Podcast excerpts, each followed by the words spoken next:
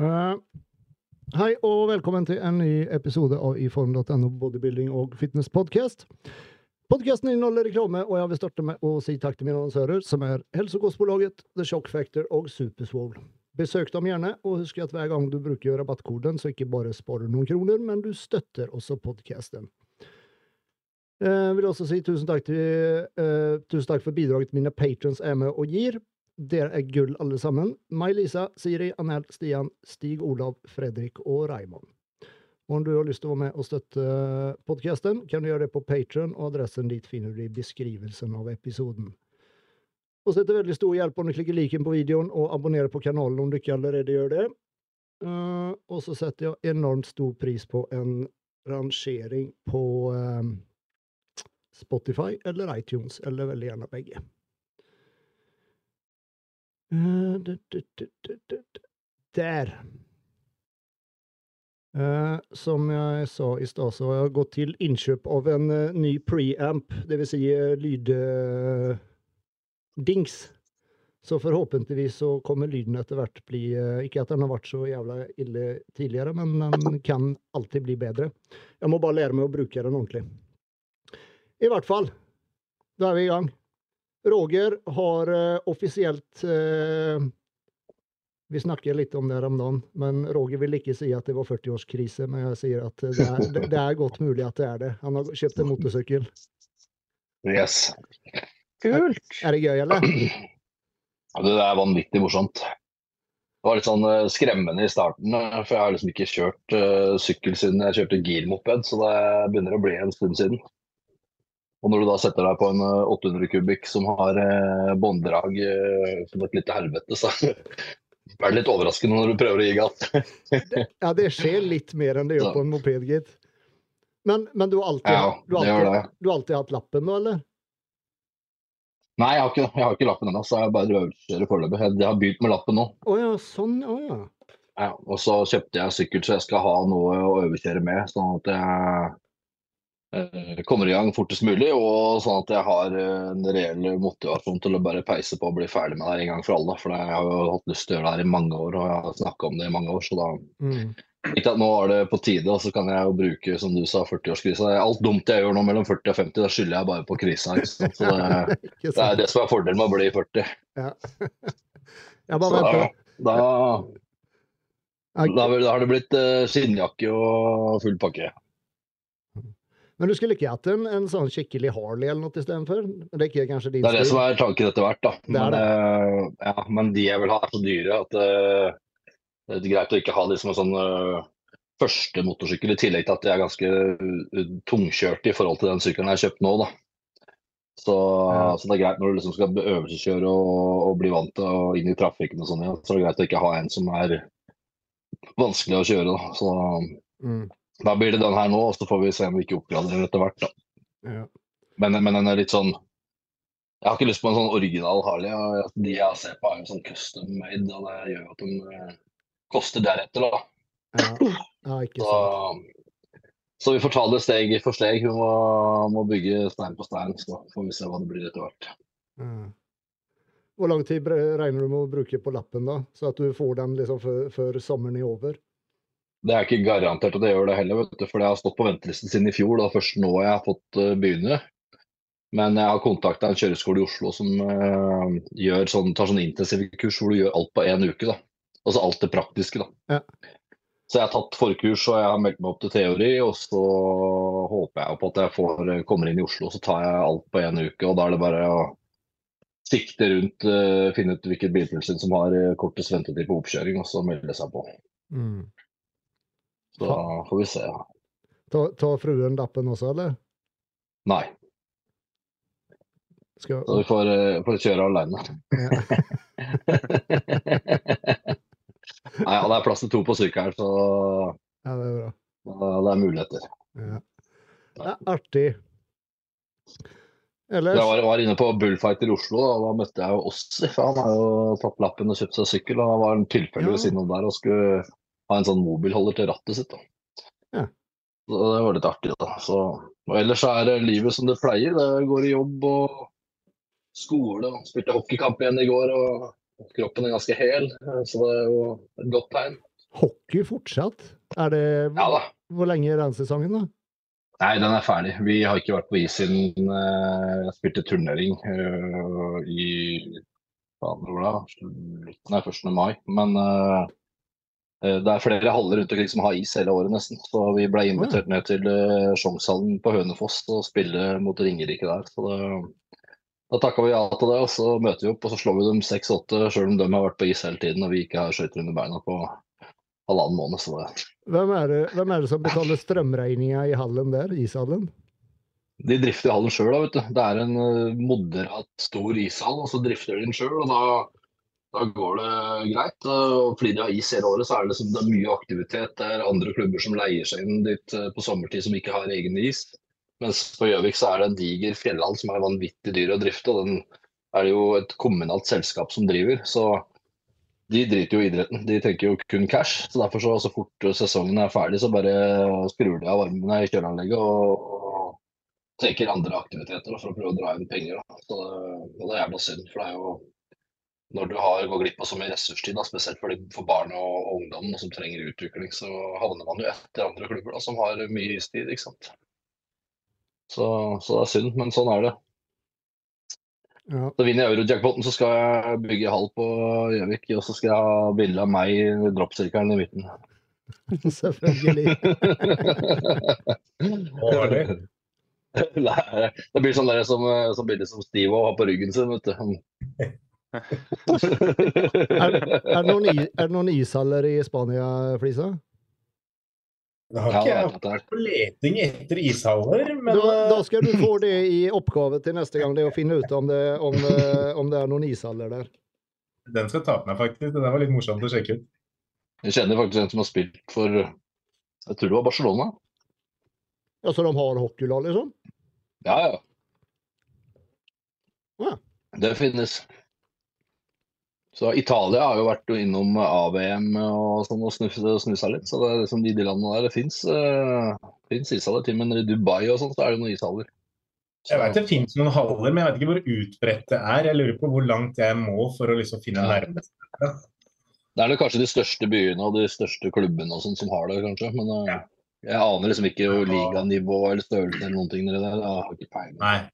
Akkurat spansk hockey har jeg enda mindre peiling på enn vanlig hockey. Så eh, Er det ikke sånn som her at de har sånn old boys-lag i hvert eneste hver, hver, hver, hver eneste liten by? det er mer, mer type paddle og boccia og sånne ting går det mye av. Men uh, ishockey har jeg ikke akkurat sett at det er krydd av verken uh, old boys eller uh, young boys. Ikke Young Dogs heller, nei. Ja, bra. Åssen eh, åssen, eh, li- trives du, Flisa, da? Ellers? Jeg stortrives. Det, det er så fantastisk som jeg håpet på så langt. Så er, eh, det er sol og varme. Ser det ser ut som det skal være varmere i Norge nå den neste uka, faktisk. Enn det det skal være her. Ja, det er mer, det er, eh, det er mer enn nok varmt her nå, for å si det sånn. Det er det. I hvert fall for min del. Ja, nei, det, det føles utrolig, utrolig deilig ut. Deilig å bare ha kort vei til stranda hver eneste dag. Og liksom, du, du higer ikke etter sol på samme måte som du gjorde før. Så det kjennes veldig greit ut. Ja, jeg har ikke det problemet til vanlig heller, da, men Jeg har ikke det. jeg jeg kjenner de som er glad i solen, sånn som deg, så kjenner jeg at det, at det må være veldig luksus å komme dit. Ja, så er det noe med den derre typisk Du jobber jo gjerne på dagtid, og så sitter du og ser ut at liksom, i dag er det fint vær. og Du sitter og stresser etter å få komme ut og nyte det godværet. Og når du først kommer ut, så er det plutselig dårlig igjen. Den slipper du heldigvis her nede. Så må si at det trives veldig godt. altså. ja, det er bra. Det er godt å høre. Jobben, er- trives med jobben nå? Den er grei? Det virker veldig spennende. Vi er fortsatt i opplæring. Vi har tolv ukers opplæringsprosjekt her. Så vi er på femte uka nå. Så det Først neste uke så begynner vi faktisk å gå ut på, ut på gulvet og være der. Foreløpig har vi bare sittet i klasserom og vært eh, studenter, rett og slett. Ja. Så det er først nå vi skal begynne å faktisk få bruke litt av det vi har lært, og se hvordan det virkelig er der ute. Men det virker, eh, virker utrolig spennende og veldig, veldig moro. Masse å sette seg inn i foreløpig. Så, så langt virker det veldig greit. Ja, men det er bra. Det er som regel gøy å gjøre noe nytt. Det er det. Og så merker jeg litt forskjell i forhold til sånn som Sporveien for min del ble veldig A4, selv om jobben i seg selv er liksom utrolig fin, mye fordeler og godt betalt og alt mulig. Men det ble altfor mye A4 med bare kjøre de samme rutene fram og tilbake og ingen utfordringer. Så uh, akkurat det kjenner jeg veldig på, at det er utrolig deilig nå å kunne ha muligheten til liksom Du, du kan tenke at du Dine handlinger avgjør om du gjør riktig eller galt, da. Det er ikke så mye av det når du sitter og bare kjører fram og tilbake. Det er gass opp og åpne døra, liksom. Ja. Skjønner at det blir kjedelig. Ja, det, det blir fryktelig kjedelig. Men du hadde noen artige dager når du kjørte litt feil og sånn? jo da, det er absolutt mye morsomme hendelser og sånt som skjer der, men Kjøre på folk og Ja, det, nå slapp jeg heldigvis å kjøre på folk. Jeg vet ikke hvor moro det hadde vært. Men uh, krasjer med noen biler her og der, det kan alltid være litt uh, Det er gøy å fortelle om i etterkant. Det er jævla kjedelig der og da. Du sitter med hjertet godt oppi halsen altså, når du ser hele førersida rett foran deg, og du bare moser bilen 15-20 meter framover. Og så vet du at det er dem sin feil. Det, det, det skal være ganske mye til at det blir din feil, på en måte? Ja, i utgangspunktet skal det ehm, det. Er, alle har jo vikeplikt for trikken, men så er det jo altså, Har du kjørt på rødt lys, så er det du som har brutt reglene, på en måte. Jo, jo. Eh, I stort sett alle situasjoner, ja. Men det er likevel så eh, Mye av det som gjør det, er kanskje at du, du veit hvor mye skade du kan påføre andre òg. Så en trikk på 63 tonn, det er liksom ikke et uh, uskyldig lite kjøretøy du kjører rundt med. Så selv bare det å treffe en person i 10 km i timen kan gjøre ekstrem skade. Så uh, Det kan være gøy å fortelle om i etterkant når alt har gått bra og du tenker tilbake på det, men der og da så er det utrolig fælt. Ja, jeg ser det. Og Det slipper jeg å tenke på nå. Nå er det hvor mye sand jeg har i shortsen som er største bekymring. Så helt annen hverdag. Ja, ja det, er litt, eh, det er litt eh, ombytte i hverdagen. Bitte litt. Dan, da? Ja, Dan! Faen, du begynner nesten å bli fast i inventar her. Jeg har rota meg borti her nå, Ja. Det er greit, det. Ja, men Det er veldig hyggelig, veldig hyggelig at du kunne bli med i dag. Har du bikket 120 ennå, eller? Nei, nå er jeg på slankeren, holdt jeg på å si. Nei da. Hva skal jeg si? Jeg og Roger vi har lagt en eh, langtidsplan nå, så ja, fortell. det blir Hvordan ser, den ut? Hvordan ser den ut, da? Nei, er det Det ikke sånn starta med at du måtte slanke deg, liksom. Ja. Nei da. Jeg setter veldig til Han har spist så mye rap som dagen, så jeg har sagt at han ble en gangster-rapper. Ja. Du vet, når man først begynner å døtte ting inn i lefse, så må man bare fortsette å døtte ting. Det er utrolig hvor enkelt det er da, når man begynner å bli matlei og sånn. Og bare Ja. ta kjøtt og bare trykke det ned i en wrap og så spise det. Men det var sånn jeg overlevde før jeg begynte på diett. Ja, Måltidet jeg hadde med bare en sånn wraps, for det er så for det, enkelt. det er dritenkelt. For du blir sinnssykt lei av den der risen. Og Mm. drive og koke den og følge med på den og sånn. Så det, det har vært Har du ikke riskoker, Dan? Nei, altså jeg vi hadde det en gang. Hadde det en gang. Men det, det, det funka ikke. Det ble bare svidd. Det kan være jeg ikke klarte å bruke den, men eh, for jeg har sett andre bruke det og sånn. Det er liksom ris, vann, trykke på start, Ja, ja, ja, jobben. jeg, jeg veit det. Men det er bare Du fulgte innstillingene helt sånn, ikke sant? Og så bare funka det ikke. Men eh, det kan være jeg gjorde noe feil. Så jeg ble aldri Ja, så kan det være at det var en litt defekt uh, sak du fikk, da. Kan være. Jeg tror ikke det var noen sånne dyre greier. Jeg tror det var en uh... Men du ga opp etter den ene gangen? Ja, jeg gjorde det. Og så har jeg sånn dårlig erfaring. Jeg husker jeg bodde i kollektiv en gang med en sånn der, eh, en sånn riskoker, holdt jeg på å si. En sånn eh, som, koker, som hadde riskoker. Og han lot, lot risen bare stå der, så det lukta Det ble mugg og larver og drit og Ja. Det er litt sånn avsmak på det. Ja, jeg syns riskoker er alfa og omega verktøy. Altså. Så Det er jo koker, veldig kjøper, kjøper eh, ordentlig basmati-ris på sånn Asia-shop, og så koker opp uh, haug med ris, og så bare setter ris eh, så det beholder den inni kjøleskapet. Og så Ja. har du liksom ris i tre dager. Da. Det er jo ja. For det er det som er mest dyr med å drive og lage, lage Mm. mat, egentlig. Koke den risen. Airfryer og riskoker, så eh, kommer du langt, sikkert. Yes. Ja, det var det. Det er litt sånn uh, er fint å gjøre det enklest mulig.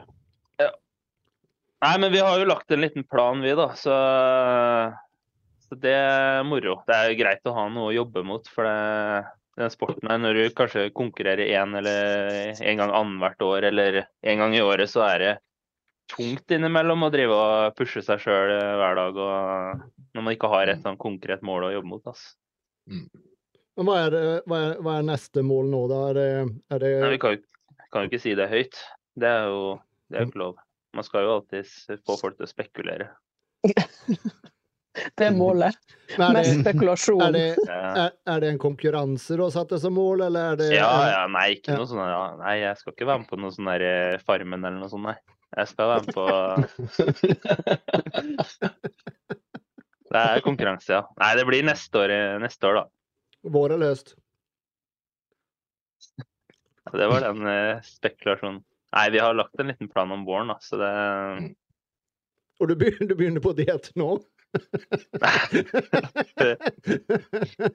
Prøve å komme i form. Da vet du off-season har gått langt. Ja. Begynner på Faen. Nei, ja, hvis, Dan har nok rom for noen kilo til før vi Ja. kan kalle den fight. Så det, ja.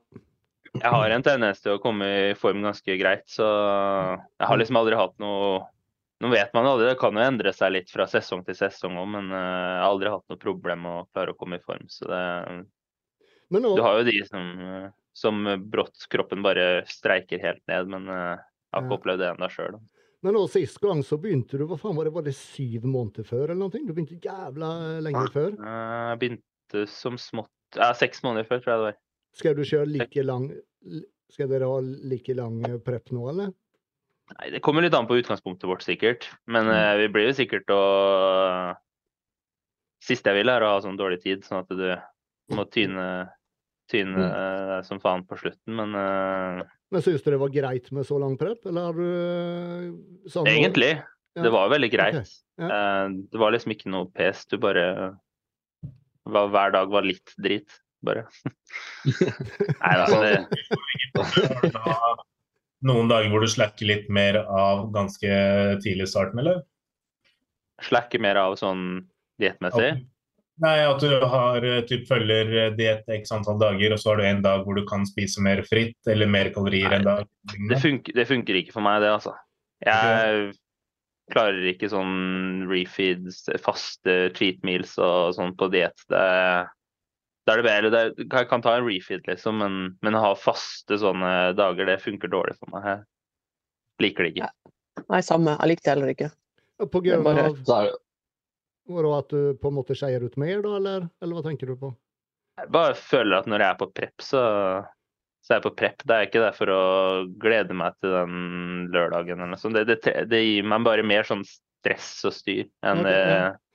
Mm. Altså er det, er det positivt for, for resultat sin del, så greit nok. Man kan jo trenge en refeed eh, underveis, men eh, det å ha det som en fast Jeg trenger ikke den gulroten for å komme meg gjennom uka. da. Jeg vil, vil heller bare føle at jeg gjør det, det jeg kan for å bli bedre. da. Nei, vi, er alle, vi er alle forskjellige der. Det er, eh, Mm. hva, det, er, jo- det er hva man selv liker best, rett og slett. Ja. Jeg har jo flere som jeg, jeg, jeg sier det samme, at de vil ikke ha noe vil ikke ha noe kall det cheat eller refeed. Så det er bare hvis det trengs, da, hvis du ser at nå, Mm. nå er det et behov, kroppen trenger noe ekstra, så da kan man legge inn noen dager med litt mer eh, karb og sånn. så- Men ikke noe, ikke noe planlagt. da. Jeg tenker det er mye bedre å ta det på feeling og hvordan utviklinga er. og Mm. Også Fordelen med å gå på lang diett er jo ofte som danser at du slipper å stresse. Det er nummer én. Og nummer to så kan du du, du går ganske lenge før du begynner å bli skikkelig sulten da, når du Ja. har en så lang diett. For det går så sakte nedover. ikke sant? Så du trenger ikke å stresse med noen ting. Mm.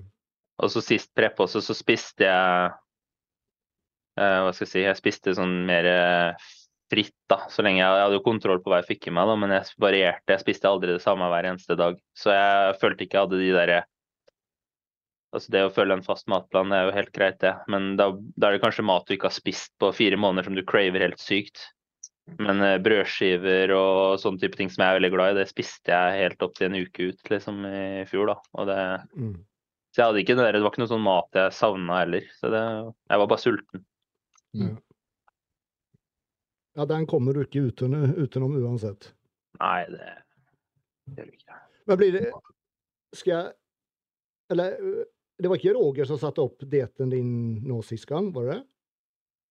Nei, altså Roger kom inn i bildet Ja, det var sånn mot slutten, var det ikke det? Uh, Ja, mellom eh, NM og VM så tok han, eh, tok han over, da.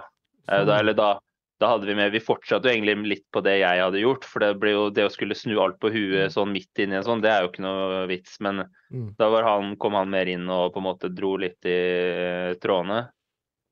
Eh, men så han kom jo bort og eller han hjalp meg jo litt sånn For når du coacher deg sjøl, som jeg gjorde i fjor fram til NM, så, så er det det derre Du blir jo blind på deg sjøl, da. Mm. Så han var veldig behjelpelig med det å bare komme litt feedback på Vi hadde en sånn FaceTime, husker jeg. Før konkurransen, første konkurranse, tror jeg, hvor han bare kom med litt feedback med tanke på oppkarb og ja, siste sånn for piken sin del. da. Og det satte jeg veldig pris på. Det var litt av grunnen at jeg ville ha hjelp av Roger videre òg. Det var jo det at han var liksom behjelpelig, helt sånn uforplikta, da, men bare at han visste at han var interessert og ville hjelpe. da. Mm. Men blir det Roger som setter opp dietten din nå da til neste konkurranse, eller, eller jeg regner med at dere gjør det på en måte sammen mer? Ja, jeg føler jo liksom at dere Jeg har jo lyst til å Det er ikke noe vits å ha en coach hvis ikke du skal bli coach, holdt jeg på å si, eller Mm. sånn, men, men jeg, jeg har jo gjort det nok ganger til at jeg vet jo også hva som funker og eventuelt ikke funker for min del òg, så, så hvis det er noe sånn, så sier jeg jo fra. Så, Det er jo ikke en enveiskjørt vei, det her. Det går jo to veier. Og når man har en bra atlet som har gjort det her over tid og kjenner kroppen sin aller best sjøl, så må det jo til viss grad være en dialog der. Så hvis han er helt uenig med meg, så er det jo en grunn for det. Og da det, tar vi det via kommunikasjon, og så er det små justeringer. Så jeg er ikke noe bastant i det jeg gjør, sjøl om jeg har en absolutt klar tanke om hva som er optimalt. Og så er optimalt og hva som fungerer i praksis, er ikke alltid det samme. Så da Øh, og det, det som er optimalt for meg, er ikke alltid optimalt for andre heller. Derfor er det liksom, må man jo hele tiden gjøre noen små justeringer for hver enkelt atlet man har. Da. Mm. Så, så Dan har et godt hue mellom uh, skuldrene sine, og det er jo det, en av grunnene til at det er gøy å jobbe med sånn som Dan. er jo ikke bare for at han har en bra fysikk, men han er jo en oppegående, bra kar. Så, og det er liksom, gjør jo alt mye, mye bedre. Mm. Da ser jeg. Mm. Og Heidi, du Ja, det er vel fortsatt mer eller mindre bare mat, eh, matvideoer og matstories og matposter som blir lagt ut? Jeg har ikke sett så mye annet, tror jeg. Nei, men det er faktisk denne uka er første uka hvor jeg egentlig er veldig vanlig igjen. Det er liksom Veldig vanlig. Ja. Så, kjenner i hvert fall at jeg begynner å gå tilbake til normalen. At det er ikke så og plutselig klokka halv elleve om kvelden man er dritsulten, liksom. Det, det er liksom litt over. Altså den verste, den, den, eller de verste cravingsene er over nå, på en måte. Du går liksom Ja. ikke og tenker på mat hele tida. Nei, nei, nei, nei Nei. ikke i det hele tatt. Så deilig. Så det er veldig deilig. Så um, jeg vet ikke om jeg begynte å ta sånn Jeg har jo sånne her greens. Sånne her, eh, dere vet sånn pulver som er mm. på en måte frukt og grønnsaker, spirulina, whatever. Og så på forrige helg så begynte jeg å være jævlig flink med å ta den hver eneste dag. Så jeg vet ikke om det har én sammenheng, fordi denne uka har vært veldig bra, liksom. Så jeg vet ikke om det er fordi jeg har fått masse av det jeg egentlig trenger gjennom denne greens, eller om det er random. Men det er i hvert fall denne uka jeg, sånn jeg kjenner skikkelig forskjell på at nå begynner jeg å nærme meg meg sjøl igjen. Så det er veldig deilig. Uh, men ellers så tok jeg med meg veggdyr hjem fra Spania. Du tok med Så- deg hva for noe? Veggdyr. Veggdyr, hva er det? Det er jo en sånn, sånn Et lite dyr som uh, gjemmer seg i veggene, og så kommer det frem og spiser litt blod om natta fra mennesker. Det er sånn som kan være på hotell og sånn. Den kommer i kofferten din, og så tar du det med deg hjem. Flått, liksom? Nei, det heter veggdyr. Aldri hørt om. har du ikke hørt om det? Det må man passe på når man reiser, for å si det sånn. For det er jævlig vanlig. Det er blitt mer og mer vanlig. Men det er et kaos å få det vekk. Så jeg bor på sånn leilighetshotell. Kunne ta hotell, men jeg vil preppe mat og sånn. Så de skal komme og hente senga, sofaen, alle klærne. Hele leiligheten er pakka ned fordi det må fryses ned. Jepp. Mm. Det skal Det- fryses i en viss temperatur over så og så lang tid, og så må vel leiligheten det sikkert gasses eller noe sprayes, sånt. ja, Ja. det må sprayes ned, og fy faen for et styr. Og så skal det være en sånn etterpåsjekk om en måned, og da må vi bare be til et eller annet om at det faktisk er borte. For hvis ikke er det jo faen hele prosessen på nytt. Så, Så jeg og Dan delte jo rom. Jeg sendte med en gang melding til han. Jeg bare Du, jeg har fått veggdyr, så du må faen passe på. Men hvordan merka du det? Så du dem? Ja, så mm, det, det liksom, De sier at en måned, da er det ikke så ille enda, liksom. Men tre måneder, da, er det, da har de formert seg. For de legger ekstremt mye egg hver dag når de først begynner. Men de er jo fremme om, de er om natta, så samboeren min jobber jo om natta. Så han har sett det, at de har kommet frem liksom da. En hund se, ta, en sånn, hund- bruk lom, Ja, Hva sa du, Roger? Nei, bare bruk lommelykt eh, under overmadrass og under senga di og sånn. Da ser du det ofte. For når jeg jobba på institusjon for uh, rusmisbrukere, så der ble det veggdyr. Og det var Ja, jo det- et vanvittig opplegg, altså. Ja, det han så det på, det var liksom at under senga, ikke på gulvet, men under Mm. senga, liksom, så ser du litt sånne små blodspor. Mm, Fordi da har de jo vært og spist. mm. Og så kan du merke hvis du får sånne små, små Bitt, ja. eh, så, bitt på beina og, som Mm. irriterer og klør, og du småblør litt, så De er, de er jo bitte små, men når de først begynner å spise, så skifter de farge, og da, da kan du se dem, liksom. Det Men i hvert fall så det er jo et ja, bare, bare fortsett.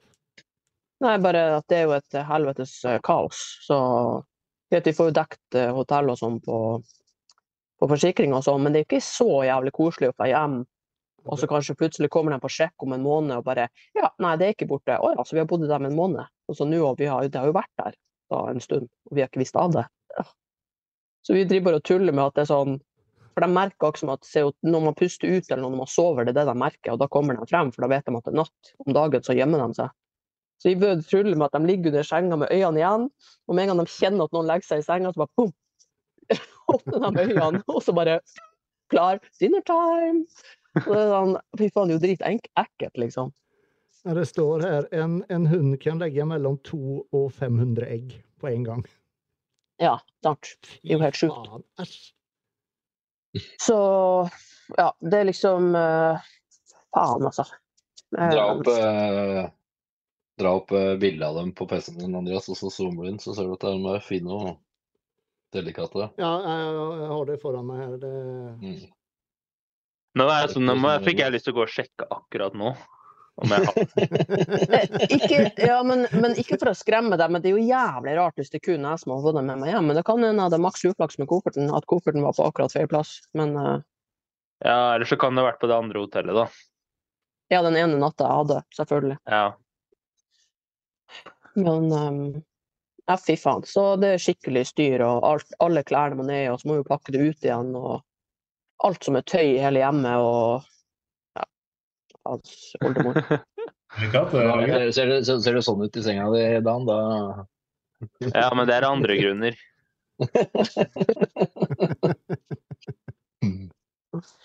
Men bortsett fra det, så er det liksom, ja, som jeg sier, første uka jeg føler meg ganske normal. Jeg har klart å øke på vektene. På mange øvelser er jeg på samme som jeg var før konkurransen. Og jeg er supermotivert. Egentlig føler alt er jævlig bra. Mm. Føler du Mm. at, føler du at uh, Er du på en måte Den vekta du er på nå, er du i samme form som du var på den vekta før, eller føler du at du fortsatt er i bedre form på den vekta nå, på en måte? Nei, jeg jeg, er- litt sånn, har liksom fått en liten sånn pølse på magen som jeg ikke pleier å ha. så, så jeg er nok i i litt dårligere form enn når jeg, oh, ja. når jeg begynte. Ja, det, det er jeg nok. Men ikke noe sånn jeg stresser med. Faen, jeg har jo spist opptil 5000 kalorier, så det er ikke så jævlig rart at jeg får en liten pølse på magen. det, får å regne med. Ja. Så jeg har jo liksom gradvis gått ned nå, da. Så det vet jeg at det går tilbake til normalen, så jeg er ikke så stressa over det. Men uh, jeg fokuserer mest på at jeg har jævlig mye Jeg har faktisk mye energi, og jeg er sterk på trening igjen, og begynte å kjøre til failure igjen, og Sånn, jeg bare for, føler meg jævlig bra, liksom. ja. Eh, sånn i forhold til, eh, til sykdommen din, har, du- har du merka noe av det nå i et, eller sånn etter at du var ferdig med dietten? Eh, Hatt noen ubehag med det, på en måte? Nei, det er det beste med den her, håper jeg testen i gåsøya. Det er at uh, jeg merker ingenting av det. Det er liksom, det er ingen konsekvenser hittil, i hvert fall, på det. Jeg føler meg akkurat sånn som jeg var før, liksom. Det er ingenting som er blitt verre. Så deilig. Så Men det skal jo sies, det er jo den beste dietten jeg har gjort. altså sånn, Jeg har ikke vært så gæren som jeg pleide å være, og jeg har tenkt etter, og jeg har hvilt hvis jeg har trengt. Så Mm. jeg har jo lytta veldig til kroppen på denne preppen, så Mm. det har jo garantert noe med saken å gjøre. At man ikke bare er 21 år og gæren og tenker ingen konsekvenser og bare gasser på, liksom. Ja, ja, ikke sant. Ja, veldig bra. Eh, du, eh, vi skal ikke mase i hjel det, det, det temaet, der, men du skrev en eh, veldig bra post her om dagen, som selvfølgelig fikk en masse, Ja. masse Mm. liker, og uh, mange som kommenterte, og mye snakk om det, og det var noen copycats som i ettertid skrev akkurat samme posten, mer eller mindre. Ja. Jeg tenker jo bare at det er viktig at For greia er liksom, for dem som ikke vet det, at jeg la ut på Story at jeg hadde overspist på godis her en eller annen, jeg tror det var forrige søndag eller noe sånt. Og da var det sjukt mange som skrev til meg, liksom jenter da, eh, og godt å vite at jeg ikke er alene og sånn. Og da tenkte jeg bare, herregud, men alle dere sender det her til meg, så alle sitter og føler de har det problemet, eller det problemet, og så skulle de egentlig bare snakka med hverandre. For da ville de jo sett hvor mange som har det sånn, at det er helt Mm. vanlig. Mm. Så det var jo egentlig mest bare for å Jeg vet ikke, mange Jeg har jo mye, mye følgere og sånn, og liksom kanskje bruke Bruke den utøveren jeg er da, til noe fornuftig. Mm. Jeg tror det er veldig bra. Jeg tror det, for det er jo mange som, som ser opp til deg, ikke sant? Og just at du, Ja, altså liksom bare at du er så åpen om, om akkurat det som er et eh, veldig vanskelig tema for mange, eller vanskelig å på en måte Hva skal jeg si Være åpen om, da. Men mm. at, det- det at du er så åpen om det, at det liksom var så, Ja. liksom. Det, det, Og, vi, og, vise, og vise at det er liksom utøvere som er gode også. Det er sånn for oss også. Mm. det er liksom Som sier, alle har det ikke sånn, men det er veldig vanlig. Mm. Å overspise etter konkurranse er supervanlig. Så jeg Mm. tror jo at sånn med alt, hvis man kan snakke om det, så er jo det løsninga, uansett hva det er. Du trenger ikke ha noen spiseforstyrrelse for det, liksom. Nei, det er absolutt ikke. Det, og for meg også, som jeg skrev, at jeg har jo gjort ting feil før, og derfor vet jeg så godt hva jeg skal gjøre nå, men det er jo derfor at jeg øker på kaloriene med en gang. Ja. Fordi jeg vil ikke ha noen spiseforstyrrelser av det etterpå, så derfor bare spiser jeg heller høyt på Altså jeg får i meg masse kalorier av bra mat og sånn, og så går jeg heller ned litt gradvis. Som jeg sier, jeg har fått litt mer mage nå, men jeg bryr meg ikke om det, fordi hodet mitt er stabilt. Mm. Og da vet jeg jo med tida nå når jeg går ned til normal mengde, så vil jo kroppen min også bli sånn som den var før jeg begynte på diett.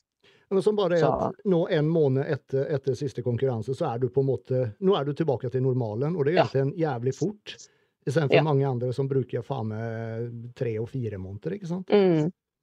Og det merka jeg også forskjell på, fordi allerede to uker etter konk, kanskje to og en halv uke, så kjente jeg bare at shit, energien min er veldig vanlig.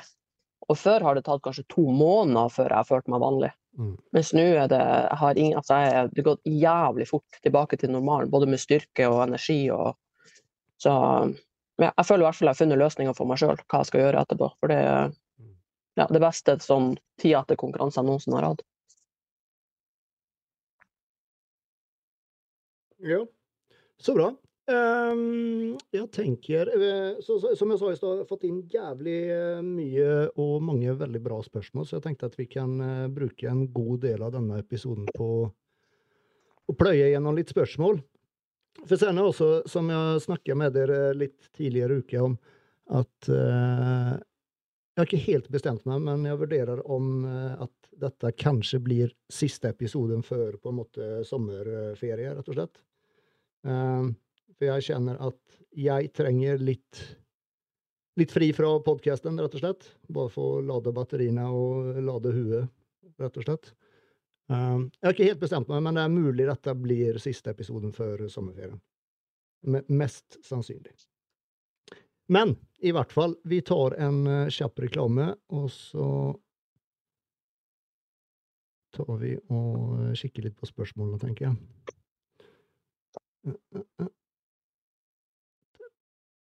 Norges råeste treningsklesmerke The Shock Factor har nettopp hatt en ny-release av Graphic-kolleksjonen med flere nye design og farger. Men fort deg å bestille for å sikre deg ditt eksemplar da etterspørselen er veldig stor. Du fikk vel også med deg den dritkule tracksuiten som ble lansert for et par uker siden?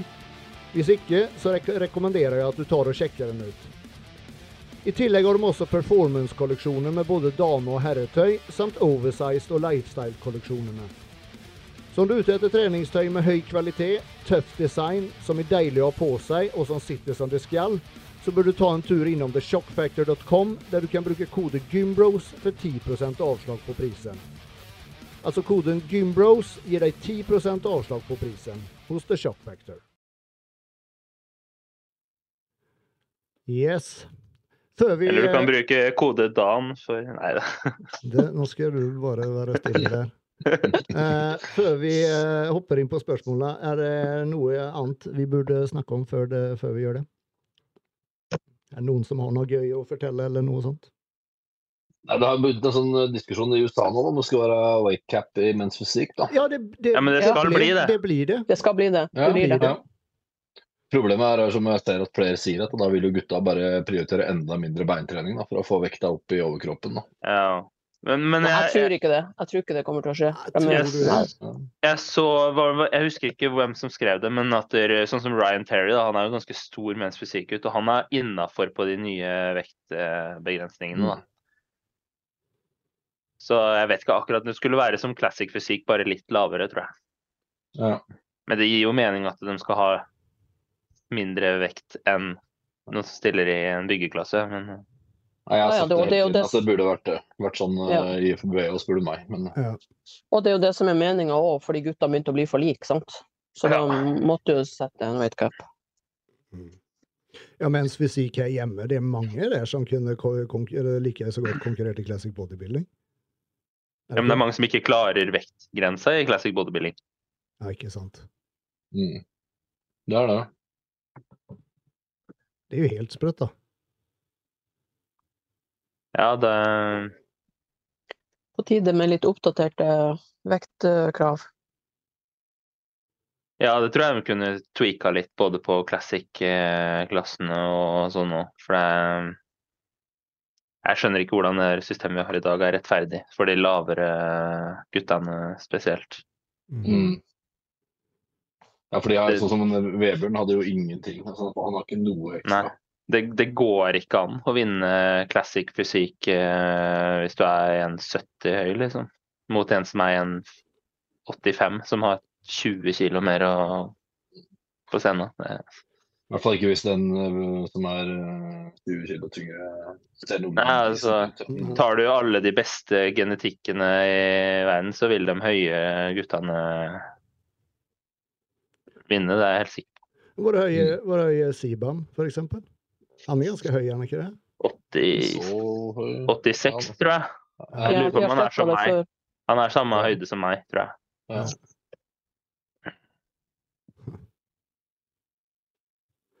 Så veier han vel 110 eller noe sånt? Er det ikke det på scenen? 100, 1,85. 108, 109, 100, ja, Ja, noe sånt. han er Ja. 240 pund eller noe sånt. Ja. 230, mellom Mm. 230 og 240. Uh, OK, da skal vi se. Nå skal jeg bare finne fram her. Uh, spørsmål der Skal jeg ta et spørsmål fra forrige gang som jeg glemte å ta med, da. Uh, mulig vi har vel kanskje snakka om det før, men eh, om vi har gjort oss noen tanker om det eh, nye, eller nye forbundet, det er ikke helt nytt, men eh, et av de nyere forbundene er VNBF. World Natural Bodybuilding, eller hva det står for. Vi har snakka om det tidligere. Ja. Det er spent hvordan de tenker å faktisk løse litt den der eh, Det som de ser på som problematikken i forhold til at det skal være et rent forbund. Hvordan de skal klare å liksom, håndheve og garantere det for alle utøvere. Jeg var inne på, på websida deres og, og sjekka i stad, og um, ut fra hva jeg skjønte, så, skal, så er det meningen da de skal ha da, eller da kunne teste utøvere året rundt. Dels Ja. med urinprøver og dels med blodprøver, om jeg skjønte det riktig. Mm. Men så, så står det også en prisliste på hva de Mm. her testene koster, så jeg regner med, da med at utøveren må betale det sjøl. Mm. Da må den det. Kan den... Jeg Ja. regner med det, i og med at det står priser på hva, hva en sånn test koster. da. En urinprøve kosta hva faen var det, 140 dollar eller noe sånt, der, for de sender det tydeligvis til statene. Ja. Uh, og så, de hadde jo en konkurranse var det tidligere nå i år. Men det var jo var det totalt fem, sex norske med eller noe sånt. Sen var det bare utländska resten. Mm. Och om det var totalt 20 stykker som konkurrerte eller noe i, i, i de forskjellige klassene. En del av innregistreringa da var sånn løgndetektortest. Var det det? Ja. Ja, Ja, det var det. Og det, og det, er ikke, det er ikke godt nok å bruke som bevis uh, i en rettssak, men det er tydeligvis godt nok å bruke som at du er rein utøver, da. Ja. Så hvis du har god kontroll på pulsen din, så slipper du billig. Begynner, vel Neste blir vel sånn tortur. At de står der med sånn tang på fingrene dine. Har du noen gang drar ut neglene dine og Nei. Ja, det er jo kjipt for dem som blir tatt når løgnetektoren at, at den slår ut, hvis det ikke er sant. Fordi den er jo ikke Du kan Nei, ikke stole 100% på løgnetektortest. Ja, hva, det, hva om den slår ut? Får man ikke lov å konkurrere den? Nei. nei. Da er du en løgner. Så det er jo litt spesielt, Ja, syns jeg i hvert fall. det er litt. Men jeg, jeg syns det høres bare ut som de, det blir for mye styr. Og for mye ressursbruk på det. Det er, liksom, det er dyrt nok å konkurrere for oss. Jeg skjønner ikke hva, hva liksom Ja. Altså Hvis utøverne sier seg villige til det, at de skal betale testene de eventuelt blir ilagt, og, og det medfører at det forbundet da kan garantere at absolutt alle blir testa året rundt, så er det jo en kjempefin eh, greie for de som ønsker å stille i det. Jeg tenker at det er et greit alternativ, for som, som Flisa sier. Så lenge folk vil bruke penger på det sjøl, så er det da et eget valg. Selvfølgelig hadde det hadde vært noe annet hvis det er liksom det, Ja, det er på en måte pålagt, men du bestemmer jo sjøl om du vil uh, bruke egne penger til det her. Så. Problemet mitt er bare at jeg ser ikke helt hvordan det skal kunne ta av, og liksom at det skal kunne ekspandere, da. Nei, Nei. det, det er nettopp det. Og du så jo bare hvor, hvor få det var som var med og konkurrerte nå. Det, jeg tror ikke det kommer bli noen flere enn det. Men så, Nei, det som skuffer meg litt, er jo. Ja, Det som skuffer meg litt, er jo at for jeg så jo litt derfra. og det er jo sånn, eh, Du blir jo straffa for at du er i for god form. Altså, Mm. det er jo, jeg tenker at Om du er naturlig eller ikke naturlig når du stiller i noe som heter kroppsbygging og fitness, så handler det om å komme i form. Mm. Og, vi, og at Ja. den som da er i best form skal straffes for det. For at det her er et rent forbund. Det blir jo for dumt, spør du meg. da. Det er det jeg ikke skjønner med det. At du skal være liksom sånn beachform, liksom. Ja. Ja, så mange av dem jeg så, det var, jeg tenkte bare, det er jo off-season-form. Altså, du kan var- komme i form selv om du er nettig. Altså, det var, altså, det var masse, masse av de utøverne jeg så som hadde fått premie, altså, var haka mi i bordet, liksom. Det, det er ikke Ja, sånn jeg vet ikke om dere vet hvem han Orai er, som uh, har spilt før. Coacha han eh, et par sesonger. Han var jo helt klart en av de aller best form der. Han, jeg vet ikke om han fikk femte- eller sjetteplass eller noe sånt. Og de som eh, tok pallen, liksom, de var jo langt dårligere i formen. han fikk jo beskjed om at han var for hard. Mm. ja, Det er jo helt Hvilken klasse var det? Var det bygging, eller var det mens fysikk? Nei, mens fysikk. Han var i for bra form, ja. Ja. Herregud. Sånn går det an. Det, det, så neste gang så blir det mil- milkshake-dietten. Det blir vanskelig å skape konkurranse da, når du på en måte, du, du garanterer at alle skal være reine, men du kan ikke være god heller. Nei, det er akkurat det som er greia. Ja. Se ut som du skulle kjørt samme, samme på sånn styrkeløftstevne, da. Hvis du, ja, du kan løfte tungt, men ikke, ikke så tungt, da. Du er, Ja. du er for sterk. Ja, men, ja. Bør bare være Du på kan sånn, løpe fort, Ja. ikke så fort. sånn R, bare RP7, for det skal du over det, så er det litt sånn. Ja. Altså, det, er det, som- det, er det. Det er det som skuffa meg, da. At jeg syns at det, det, du skal alltid bli belønna for å ha gjort jobben din ordentlig, liksom. Altså, og jeg- det, har alltid irritert, det har alltid irritert meg når folk som liksom roper, roper om at de er nettige, og så er de liksom sånn halvlubben på scenen og sånn. Faen, det er ikke Du kan være nettig og komme i form, for faen. Det, det, er ingen, det er ingen som tror noe annet, liksom. Nei, det er liksom Nei, det er helt blir, jeg blir irritert. Ja, og det irriterer meg generelt om den sporten her, sånn, for det Fordi at vi er en liten prosent da, i den store befolkningen som får til det her. Å bygge kropp og, og komme i god form og sånn. da, som krever, Det er jo en 24-timerssport. altså Uansett hvor dedikert du er eller ikke, så krever det en stor innsats over lang tid. Og fordi at det er så jævlig mange andre som ikke klarer det, så blir vi satt i en bås at alle er eh, misbrukere av et eller annet. Mm. Hvis ikke, For at de ikke får det til, så da kan ikke vi få det til heller. Men at eh, Bjørn Dæhlie har uh, OT-opptak på nesten 95, det er greit. Det er det ingen som spør noen ting om. Nei, nei. Jeg fatter ikke, altså. Så vi får ikke kreden vi fortjener da, for innsatsen vi faktisk legger ned i, det, i den idretten. her, For det krever masse arbeid og masse disiplin. Men det er vel det at, at det går på utseende? Ja, tror du. Ja, misunnelse. Ja, ja, nettopp. Ja, Andre får det ikke til. At det går på at dette er synlige resultater, sammenlignet med Haaland som herjer i Premier League. da. Han blir hylla for å være overlegen god over alle andre. Mm. Men hadde, han, hadde du hatt en norsk utøver da, som var like rå i kroppsbygging som han er i fotball, da er det synlige resultater på kroppen hans. Da er det noe annet. Mm. Ja, Jeg er tenker nå bare, jeg tenker nå bare med Maureen, liksom. Vi har en eh, Miss Olympia, og ingen vet av det engang, liksom. Mm. Det er jo sjukt. Ja. På tal om Maureen, det, det kan jeg si eh, nå direkte. Jeg, jeg, har, jeg har fått uh, Siste året så har jeg sikkert fått 25 meldinger, eh, folk som ønsker at jeg skal være med henne på podkasten. Eh, og som jeg har svart de fleste, det er at jeg har prøvd. Jeg har prøvd. Jeg har sendt henne så mange meldinger eh, uten å få svar. Eller hun har ikke sett dem engang. Jeg kjenner det. Hun har liksom 300 000 følgere et eller annet på Instagram, så det er sikkert ikke så lett å følge med på alle som sender melding. Men i hvert fall så fikk jeg tak på henne nå for en uke siden. For hun er jo i på, Eller hun har vært på Citygym litt nå, eller hun har vært eh, på besøk hjemme, da. Hjemme her i Norge. Og da fikk jeg snakket med André på Citygym, så han uh, snakket med henne, og så fikk jeg melding av henne i hvert fall. Og så hadde vi egentlig en eh, avtalt podkast nå på onsdag som var, altså for to dager siden. Eh, men noen timer før podkasten så ble det dessverre avlyst. Eh, og siden har jeg ikke hørt noe fra henne, så dessverre. Jeg har prøvd i hvert fall. Det var det. Ja. ja. Mm. Ja. Så vi ser ikke deg i det nye forbundet, Roger? Nei, jeg tror ikke det, altså. Det er ikke sikkert du ser meg i noe forbund lenger. Det kommer helt an på hvordan kneet mitt uh, og sånn uh, agerer. Jeg fikk jo tilbakemelding på M-en, og den var jo så lang, så Ja. Det var ikke noe good news der. Men det nå er jeg i henvist til Lovisenberg, så får jeg håpe at, eh, at kneet mitt ikke er for slitt eller noe sånt til at jeg kan få kunstig menisk.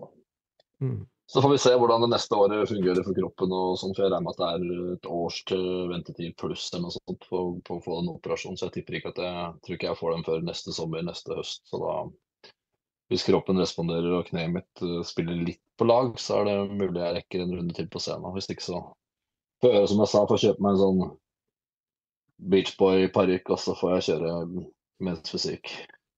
Jeg trodde, jeg, trodde, jeg trodde du skulle si rullestol. Kjøp meg Ja. en rullestol. Jeg, jeg, jeg på det.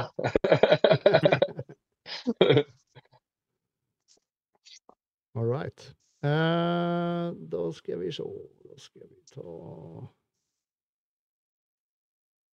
eh, Nei, hva faen blir han av? Skal bare finne Jeg hadde et bra spørsmål her. Um, ja. Eh, da skriver hun eh, jobber i Nav, diskuterer mye, vil høre fra dere, er trening likestilt med arbeidskapasitet man har? Eh, og da ba jeg henne utdype det litt. Og Jo, da skriver hun følgende. Eh, hun jobber i Nav og selv planer om å stille i 2024 i Wellness for første gang. Eh, og på jobb da så følger hun opp folk som mottar arbeidsavklaringspenger og uføre. Eh, og hun snakker mye om hvorfor det er viktig, ikke, eh, er viktig å trene selv om man ikke greier å jobbe. Eh, kolleger av meg mener at når man har muligheten til å trene for å stille i fitness, så bør man kunne jobbe mer. Eller at man har mer, eh, høyere arbeidskapasitet. og dette er hun helt uenig med. For noen jeg følger opp, er nemlig den interessen for fit... For noen jeg følger opp, har nemlig den interessen for fitness. Jeg mener at trening og jobb ikke kan sidestilles på den måten. Hva tenker dere om det? Eh, kan hvor mye man greier, orker orker å trene, si noe om hvor mye arbeidskapasitet man har? Her Eh, tenker jeg at eh, et todelt svar. For jeg tenker at ja, i noen tilfeller så kan det helt sikkert det, mens i andre tilfeller så kan det absolutt ikke det. Det å ha en hobby og en sunn livsstil eh, som er lystbetont, noe som gjør at eh, man gjør noe for seg sjøl eh, halvannen-to timer om dagen, eller hvor lang tid man bruker på det, det, det er noe helt annet enn å stå i en arbeidshverdag. Da.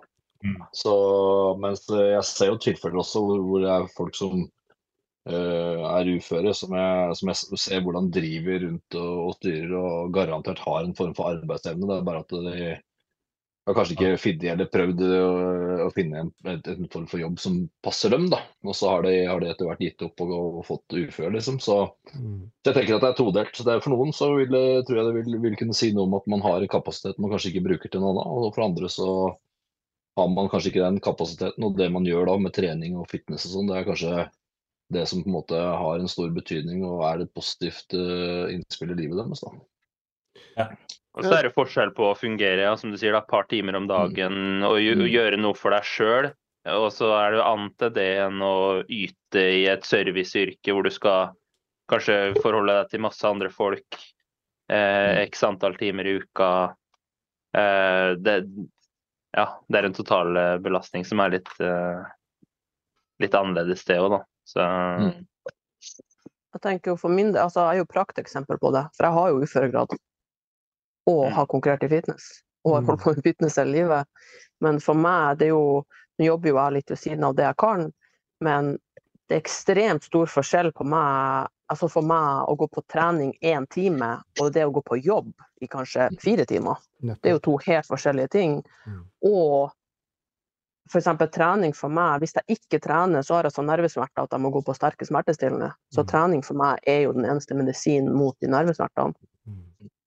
Og ikke minst at, som dere sier, og det er også noe med å ha Hvis ikke jeg hadde hatt trening i livet, så hadde jeg ikke hatt noen ting. For jeg har mista hele livet mitt pga. at jeg ble syk. Så hadde jeg ikke hatt trening, så hadde jeg ikke hatt noe til å våkne til engang. Mm. Og, og så er jo Nav-systemet sånn at det er ekstremt vanskelig å finne en jobb. Eksempel meg, da. Jeg har mange gode dager hvor jeg kanskje kunne ha jobba mer. Men det er, ingen, det er veldig få jobber som tilrettelegger sånn at ja, hun Heidi våkna på en tirsdag, i dag hadde hun krutt. Da kom hun tre timer på jobb. Mm. Dagen etter, ja, da var hun dårlig, hun klarte ikke å fungere før åtte om kvelden. Ja, da kom hun ikke. Sant? Så at jeg går på trening Så er det en trening faktor til. Ja. I forhold til jobb så er det en faktor til, og det er trivsel. For det er liksom, Hvis du blir Ja. tvunget til å drive med noe du hater å gjøre hver dag, så vil du jo Mm. gå på psyken løs. ikke sant? Så det er det også Ja, du kan ha en arbeidsevne, men eh, og det å finne det også at det skal være ledig å finne en jobb som er optimal for den personen, da, for, i en viss grad eller i full grad, eh, å si 100 det, det er ikke alltid så lett heller. For det er jobber er ikke bare å gå og plukke en jobb. Nei, og, og det er det som er problemet, at det er ikke noe som er, i hvert fall for min sykdom, da, det er ingen jobb. Det skal være ansatt en plass eh, og hadde en jobb, så er det veldig vanskelig. For på onsdag så kanskje den natta måtte jeg sove 14 timer og kunne ikke komme på jobb, mens dagen etter så fungerte jeg. Og da, altså det er ekstremt vanskelig å finne noe, en vanlig jobb i gåsøya som funker.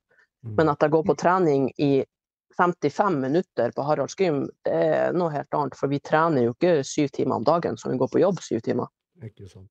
Men har du, har du hatt eh, Eller hva skal jeg si Hvordan har du blitt bemøtt fra Nav når du på en måte har, har sagt at du Eller har du sagt at du kan trene og sånt, men at det er Har de forståelse Altså- for det, på en måte? Ja, altså, jeg har vært heldig med hun Jeg var jo sånn sosionom og sånn, og de skjønte tidlig at det var det som gjorde at jeg eh, Det var det som liksom tok smertene mine. da. Tung styrketrening er det eneste som fjerner smertene mine. Så jeg tror jeg har vært ganske heldig med mine saksbehandlere og sånn. Mm. At de, eh, men samtidig også ja, så, så de jo på en måte at Jeg har jo mista hele livet mitt og alt. Så de, etter alle de årene hvor jeg kom på Nav, så så de jo også samtidig at det er jo ingen som gjør det her for å lure Nav. De som mista x antall år av livet sitt, og det er ingen som gjør det med vilje. For å få en liten, liten sum utbetalt i måneden. Mm. Og så er det jo bevist at eh, eh, trening påvirker uh, visse psykiske lidelser da, veldig positivt. Både uh, behandling av det og, og for å forhindre at det kommer. Og så er det som Heidi sier, hvis du har f.eks. ledd- og muskelsykdommer, så kan det stort sett være positivt. ikke sant? I tillegg så er det for noen så er det kanskje den eneste sosiale arenaen du har. da. Mm. Mm. Så det er, det er jo mange faktorer inne i bildet. Så det er ikke, det er ikke svart-hvitt det bildet her, tenker jeg da. Og så ikke minst hvilken sykdom du har. Kanskje folk som Ja. har ekstrem angst. Kanskje de går på gymmet klokka syv om morgenen når det ikke er noen der og trener, f.eks. Og altså, det er jo masse, masse ulike sykdommer som Altså, det er jo så ulikt. Mm. Og så er jo trening medisin for absolutt alt du har av sykdommer. omtrent. Det finnes nesten ikke en eneste sykdom eller lidelse som ikke trening er positivt for, sånn i det større bildet. Så Mm. Og så må, jeg, må, altså, jeg er jo nettopp konkurrert, men det òg er jo ikke Det har jo ikke krevd Altså, jeg sover tolv timer hver natt, går og trener, og så har jeg gjort eh, 30 minutter kardio. Det, det er jo kostholdet, altså psyken til å følge kostholdet, som Mm. egentlig er utfordringa. Det er jo ikke at jeg har vært på trening i fem timer hver dag, og det har jeg jo ikke gjort. Mm. Så eh, hvis det var det som var kravet, at for å komme i form så måtte jeg på gym i fem timer, da hadde jeg ikke kunnet gjennomført. Nei, ikke sant. Just når det kommer til fitness så, så kan vel fort mange, eller når man sier, når man sier at man driver med fitness, ikke sant? At jeg føler i hvert fall at man veldig ofte blir bemøtt negativt når det er da snakk om leger og sånne ting, da. Mm. I, langt ifra oss alle, men hos veldig mange. For det er så på en måte satt i bås, da. Og jeg tenker Mm. det samme er sikkert, sikkert på Nav, da, om du på en måte får, får Og det er jo som hun skriver, da, at, at flere av hennes kolleger liksom på en måte er negative til det. da, At liksom Greier du å komme deg på gymmet og trene en time, da, da, da kan du faen meg jobbe. Mm. Jeg har jo hatt flere PT-kunder òg som har vært sykemeldt og sånn, men de, de PT-timene med meg, dem kommer de på fordi det må de. Mm. Om så det har vært psykiske lidelser eller kroppslige, eller, og det har jo kun hjulpet dem for å komme raskere i arbeid. Ja, Og det er jo ikke så jævlig svart-hvitt at fordi du klarer å gå på gymmet en time Mm. fem dager i uka, så kan du ha full jobb. Og jeg tror vel egentlig de, de fleste mennesker som blir, som blir sykemeldte, har ikke lyst til å være sykemeldt. De fleste Nei. tenker jeg har lyst til å jobbe og, og være på jobb. Selvfølgelig så er det alltid noen da, som prøver å, å få seg en uførerklæring eller et eller annet, men um, okay, er hvis det hadde vært superlukrativt, okay, men det er, liksom, Ja, det er jo det ikke, er det er jo ikke ikke masse penger. Det er jo, det er jo ikke det. Ja. jeg, jeg personlig jeg overlever jo ikke. Hvis det ikke hadde vært samboer, så hadde jo ikke jeg overlevd. Måtte ha flyttet hjem til mamma. Så det er jo ikke Mm de som gjør det her med vilje, de er meget spesielle, vil jeg påstå å si. ja. Mange spesielle folk, da, så Ja, ja det er det faktisk. Hvis du tar den minste uføregraden, så har du kanskje utbetalt uh, litt sikkert etter hvor du bor i landet, men herover så tipper jeg at den er at du kanskje har 17 000 eh, Nei, nei, nei, uff. Å nei, du. Den er nok 12 skattene trekker, så har du 12 000 på. Hvis det er 12 000 utbetalt her, så overlever du ikke med husleie og strøm og mat. Så jeg tipper at den er mer 16 000-17 000. Du, du har ulike satser, vet du, Roger. Du har, 12 000, ja, du har en minstesats. Så har du sosial eh, stønad, og så kan den dekke boligen din og diverse. Men jeg får for. Eh, ja, men, men uføre er ufør, og ufør har, da har du minstesats, og så har du ung ufør, og så har du um, Hvis du har jobba tidligere, så de tre siste åra du har uh, jobba, er de som eller De to beste av de tre siste åra er det som de legger til rette. Og hvis du ikke har jobba, hvis du har vært sykemeldt lenge og gått på A og P og alt det her, så er det, er det minstesatsen som teller. Og hvis du blir ufør eller har vært syk før en viss alder over en lang periode, som gjør at du blir ufør, så kan du få ung ufør, og den er bedre, for da har du hatt et liksom noe mer, du, har, du har ikke hatt muligheten til å jobbe deg opp den uh, Men det, men det er mange de, de ulike da. men det er mange ulike uføregrader, og de, den utbetalinga blir regna på, som du sier, de tre siste årene du har jobba. Og det kan gå helt tilbake til f.eks. For, for meg, det gikk helt tilbake til 2007, 2008 og 2009. Ja. Eh, nei, 8, Og så- 9 og 10. Og så er det som du sier at uføre, altså, da, tenker jeg ikke, da tenker jeg en som er 100 ufør. da. Men, altså, Hva- men det er ulike, det er akkurat som ulike eh, lønnstrinn, da, på en måte. Uføregrad. Ja. som minste kanskje 12, neste 16, neste 20, og den største er vel på 28. Da har du, trent, da har du tjent mye før du ble ufør. Jeg leste og det et eller annet her, for jeg har, jeg har jo pasienter som det her er aktuelt for. da. Så øh, og da fant jeg ut at det er etter eh, før skatt eller noe sånt, så mener jeg at det var 23 000 sånt, som var minsteuførgraden. Og da har du en 16 utbetalt. Mm. Ja, det er takk mye, for det er meg. Jeg har 16 utbetalt, og det er takk lavere Mm. enn meg. Mm. Ja, du kommer ikke langt med det i, i Oslo i dag, altså. Men jo mindre du tjener, jo mindre trekker du også skatt da. er det. Så det er ikke Det store sånn- forskjellen, tenker jeg. Ja, og, og for min del så hadde jo jeg bare egentlig litt maks uflaks. Jeg skulle jo egentlig ha ung uføre, men det har ikke jeg fått. Enda jeg hadde advokat på det, fordi at i Norge har jeg med diagnose, og da krangler de som faen. Men mm. uh, uh, ja, jeg var jo Altså, jeg holdt jo på med idrett før jeg ble syk, sant? så jeg har jo selvfølgelig ikke jobba maks. Jeg jobba jo bare det jeg kunne, og som jeg er idrettsutøver. Så det var dårlig, dårlig timing. Hun som sendte inn spørsmål fra Nav, kan sikkert sende en kommentar på uføregradene. Ja, eh, du må gjerne har- kommentere under, under videoen eh, når du Eller det som ligger på YouTube, så kanskje vi kan få en oppklaring der. Jeg har også en sånn screenshot av de uføregradene, for jeg er med i en sånn gruppe hvor alt det der ligger. Husker? Uføregruppa? Hæ? Uføregruppe?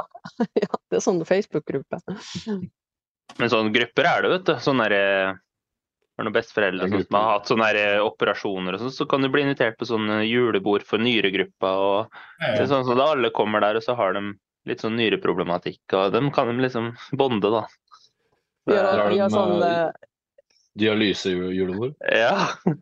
Så tar de litt dialyse, så tar de litt sånn uh, julemeribb og sånn. vet du. Jeg hadde en kollega tidligere som jobba eh, når jeg jobba i barnehage, var med i en eh, tjukk og blid-klubb. Tjukk og blid.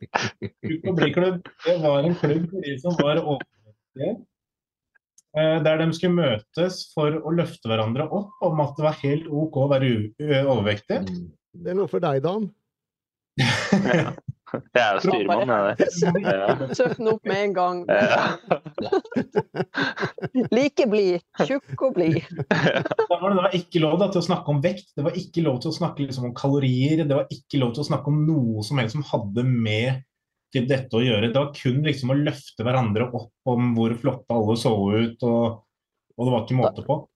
Da, Det er jo sånn Norge har blitt. Det er jo, det er, det er jo Norges eh, største gruppe der, siden eh, 70% av befolkningen er overvekt eller født med i dag. Så er jo liksom Jeg kan si at det var ikke lite overvekt heller, da. det var såpass ille at eh, det var liksom Dette, dette var en ansatt som ikke kunne kle på barn fordi at de hadde diverse helseplager. Den kunne ikke kle av barn når de kom inn. Den kunne ikke være med barna ut og leke fordi at de hadde kneproblemer og det ene og det andre. Det var Solpsoriasis. tragisk. Ja, det er som Mensa-klubben, bare for kroppsvekt og BMI.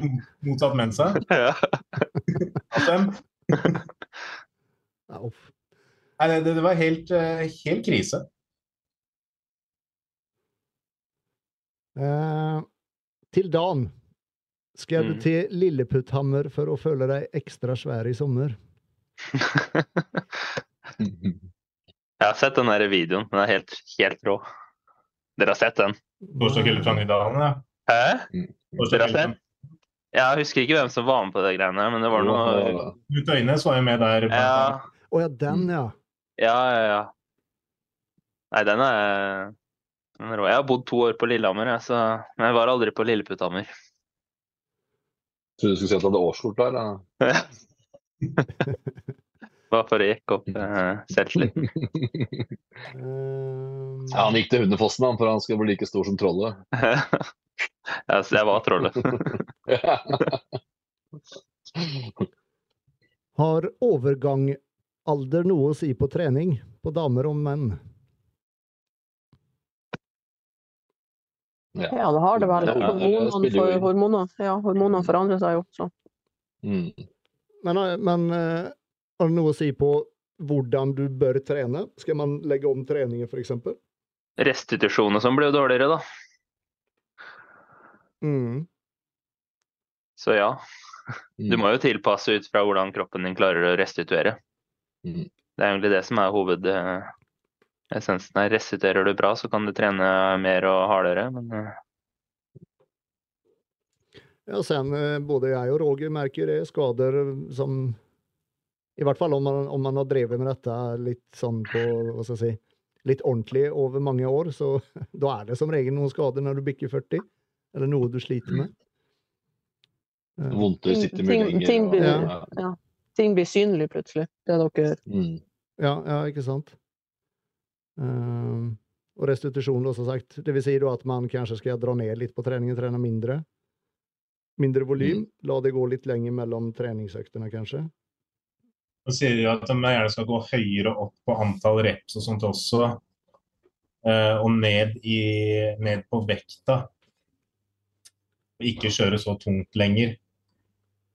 Og det er veldig sånn typisk standard eh, Ja, det gir seg litt selv, på en måte, når du på en måte eh, Så for eksempel når jeg kjører beinpress og sånne ting. Jeg, jeg kan liksom ikke ligge under, eh, under 15 reps, for å Da blir det såpass tungt at da gjør det så jævla vondt overalt.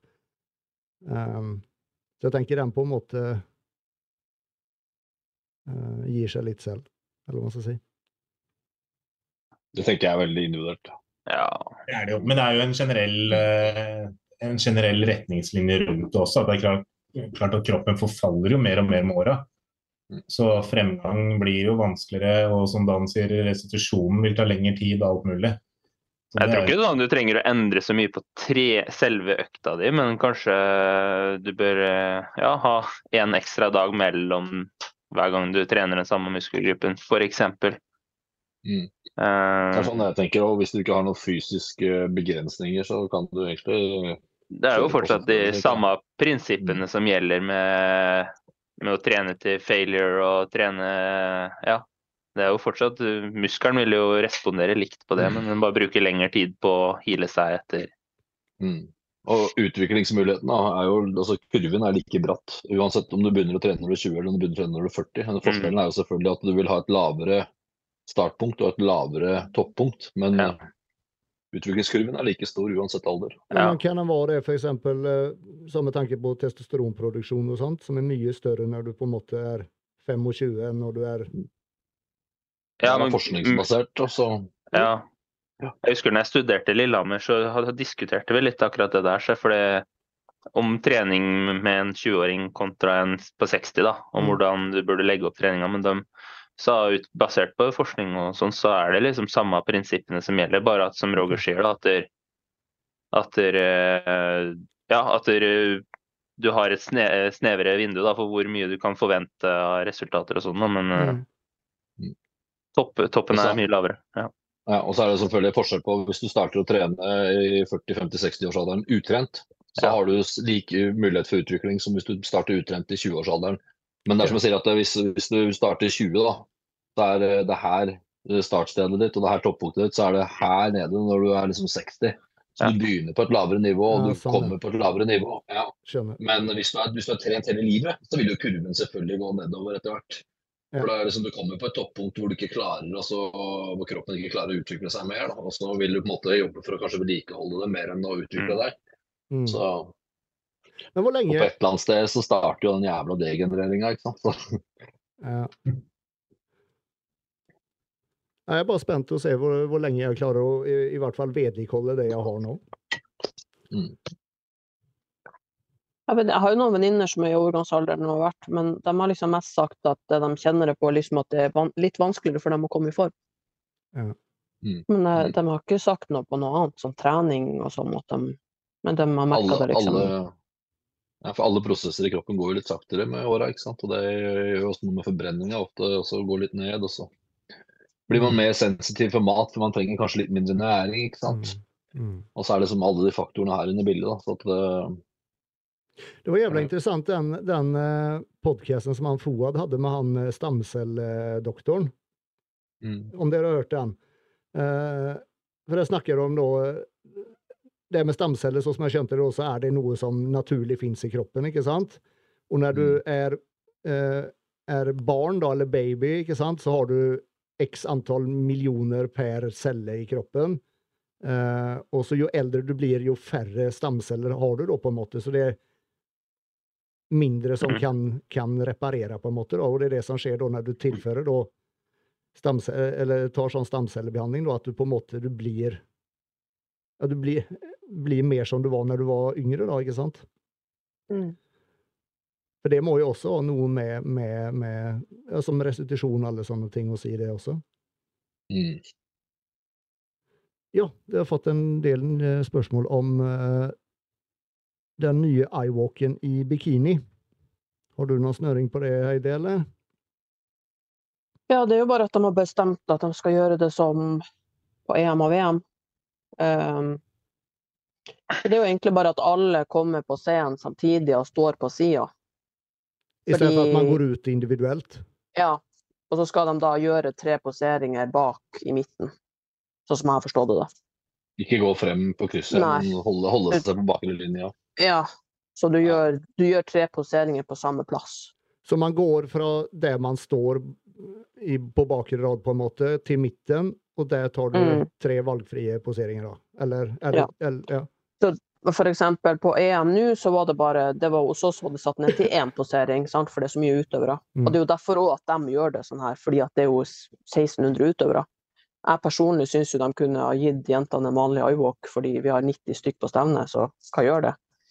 Mm. Men uansett, da, så Da sto jeg på sida, sånn at alle kommer på scenen, og så stiller man seg på sida, og da når mitt navn blir ropt opp, så gjør jeg liksom en hilsen med handa eller noe, og da går jeg til midt på scenen, og så tok jeg én pause, og så adjø, på en måte. Og så gikk jeg og stilte meg på andre sida. Så det blir samme, bare at de jentene her da skal gjøre tre stykk, tre poseringer, tre valgfrie.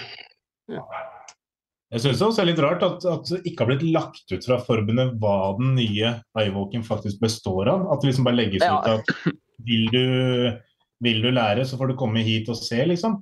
ja, skulle Ja, og, og betale, betale for et kurs. De må jo legge ut hva den nye iWalken er. Ja, dette er jo reglene for hva den skal gjøre, så dette burde vært offentlig informasjon med en gang. Selvfølgelig. Akkurat som nå, bare med de- den weightcapen i MPC. Det første de gjør, er å legge det rett ut, så alle får det med seg. Athletes and coaches important, liksom.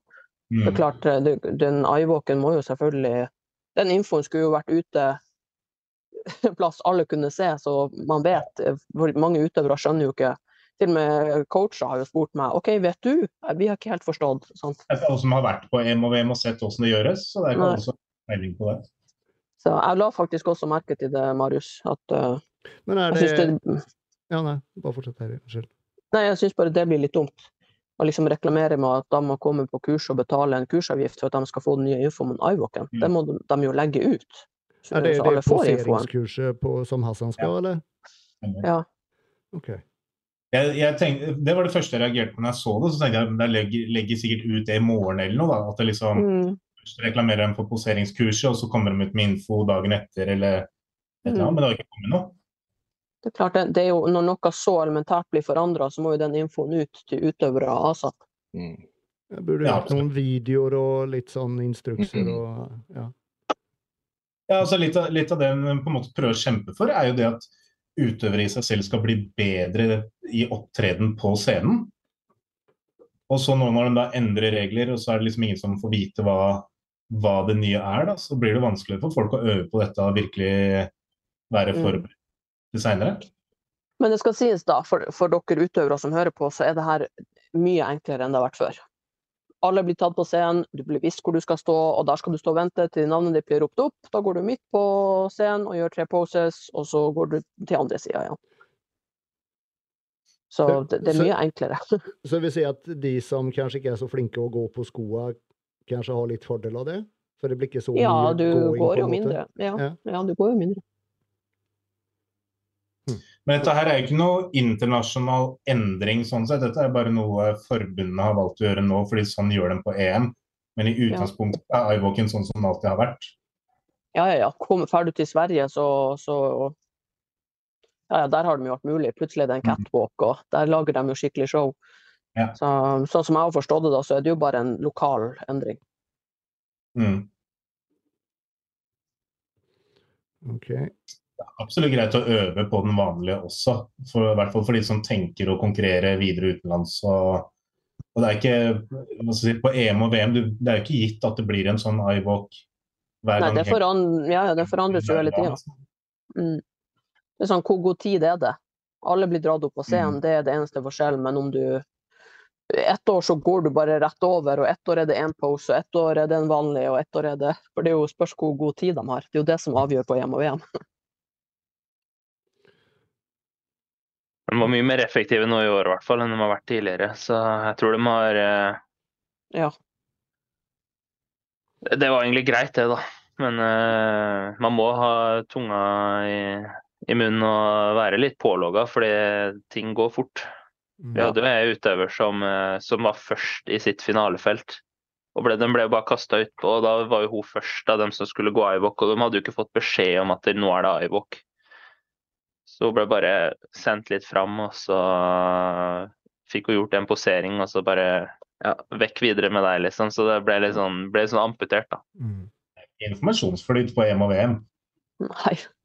Nei, uh... Det, det, er bra hvis du, det er bra hvis du er en lite stressa person, fordi Ja. at da Yes. Men er du en jævlig stressa person og er der, da, er det fort, da koker det fort over. Mm.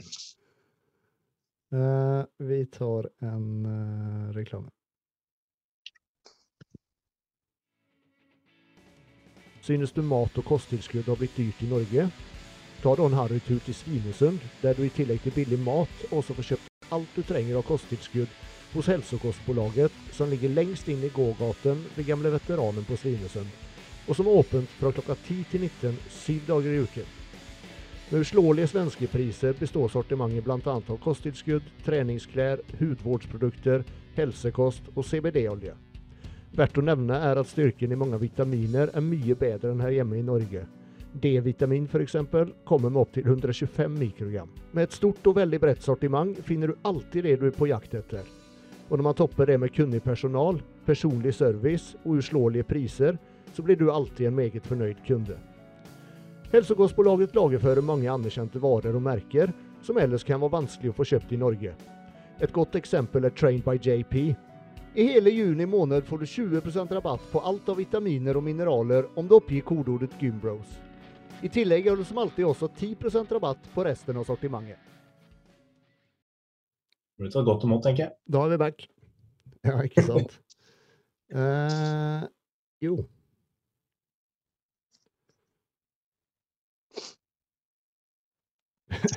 Blir, blir økten dårligere dersom man unloader kølla før trening?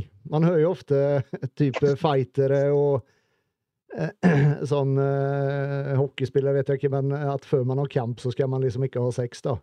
Er det, er det egentlig noe hold i det, eller er det bare Eller er det bare bullshit? Altså, Der får dere ta dere av. Ja, jeg jeg har jo direkte kunnskap på det, men jeg, jeg vet at sånn som fotball-EM og VM og store mesterskap, så er det mange trenere som ilegger laget sitt forbud mot sex og sånn. Men det, om det er rent prestasjonsmessig i forhold til det om de får tømt seg, det tror jeg ikke det går på. Men jeg tror det går mer på konsentrasjon og distraksjoner fra utsiden. For det er mange av dem som får liksom forbud mot mobiltelefon og, og bo med kjærestene sine og sånne type ting òg. Og det er kun for å holde fokuset på plass. Så rent gjetta så vil jeg tro det er det det går på. Men mulig noen av de andre her har mer Dere må jo vite det. Dere har sikkert tømt kølla en gang rett for en gym, rett for en trening, og, Jeg og ikke. aldri. ja, aldri merket noen forskjell i det hele Det tatt. fortsatt. Er det ikke sånn at man skal egentlig gjøre det til det nesten skjer, og så bare stoppe, og så drar du på gymmet? Bygge opp frustrasjon. Ja, ikke sant? sånn at det pumper. Ja. Helt gæren. Dere får kjøre test til neste gang. Men vet du det, Roger? Er det noe, er det noe hold i det, eller? Nei, jeg tror liksom at øh, for idrettsutøvere, altså som i bryting og kampsport, og sånn, må du kanskje må tyne vekt og, og presse deg veldig hardt. og sånn, Så tror jeg kanskje det kan ha et utslag på hvordan du topper formen din, kanskje. Altså er det kanskje en myte om at det påvirker testosteronen din, aggresjonen din, kanskje, eller et eller annet sånt. da, Uten at jeg skal si at det er, er det. Men jeg har hørt øh, det samme, at det er øh, folk som har blitt ilagt uh, forbud mot sex liksom en kort periode før en kamp eller noe sånt. så Ja. det må jo være en, være en årsak til det, men akkurat uh, som hva, hva som ligger bak det, sånne eh, 100 det er jeg usikker på. Jeg er veldig usikker. Jeg Mm. skal, jeg skal, ta, og, eh, jeg skal ta og undersøke dette. Eh, jo, da Dette er et jævlig langt spørsmål. Eh, hvis du skal øke i muskelmasse, da må du ha en eller annen form for progresjon styrkemessig. Eksempler er jo mer reps, mer vekt, gjør øvelsen tyngre, mer utfordrende for deg selv, f.eks. Uh, den eksentriske delen kanskje med stopp i bunn uh, og topp osv. Uh, rett og slett gjør det vanskeligere. Eh, kanskje etter hvert legge til intensitetsteknikker, men da må, du, eh, da må du ha en progresjon der òg, ikke bare trette muskelen. Ikke vet jeg. Eh, men å bli bedre og ha et system over lang tid. Vi som går på gymmet, jakter jo progresjonen hele tiden. Vi har kosthold og søvnen på plass, eh, og fokuset er jo da å komme på trening og bli bedre enn forrige gang. Greien er bare at folk snakker hele tiden om nye generelle treningstips osv., og, så videre, og det er jo bra. Men det som ikke blir snakket så mye om, er så mye om, som er noe av det viktigste om du tenkte å bygge muskler for å bli så bra som mulig over lang tid, er jo treningsplaner, metoder i det lange løp, altså progresjon. Hvordan man burde trene for å opprettholde progresjon kontinuerlig over kanskje 15-20 år, om man er bygger. Eh, det syns jeg er interessant. Eh, han har også lagt ved en eh, talemelding som jeg tenkte jeg skal spille opp her. Men var det et spørsmål, eller var det en Ja, nei, det, det, er, eller, liksom. det er et spørsmål. Ja. Det, selve poenget kommer her. eh, Jeg skal, Ja. God dagen, Andreas. Altså, spørsmålet mitt går ut på liksom Hvis du tre, har tenkt å trene i 10-15-20 år, sant?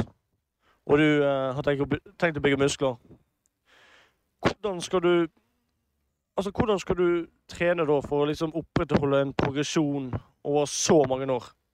For eksempel hvis du tar sittende roing. Du du har vært på 70 kilo, så trente jeg opp til å trene med 80 kilo, 90 kilo, 100 kilo. Men hva har du tenkt å gjøre videre derfra? For du kan jo ikke bli evig sterk. Det er jo Det vet du. Men hvordan, hvordan skal man begynne å tenke da, liksom? Og så lurer jeg på en ting til. Jeg har jo trent i mange år nå. Jeg har jo hatt mye framgang. Og jeg har fortsatt framgang. Kontinuerlig, egentlig. Så treningen min, den går veldig bra. Men la oss si hvis du trener med 100 kilo, sant? 10 ganger 3.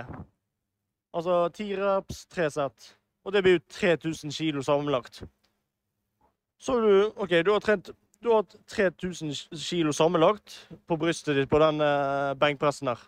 Neste gang du kommer på trening, er det sånn at du skal ha 3050 kilo, 3100 kilo? For du må jo øke, sant? Men er, er det sånn du skal øke med at du tar kilo sammenlagt for hver eneste trening du trener? At du skal på en måte ha gitt litt mer enn det du gjorde forrige gang? Er det, er det sånn man skal liksom eh, trene, eller?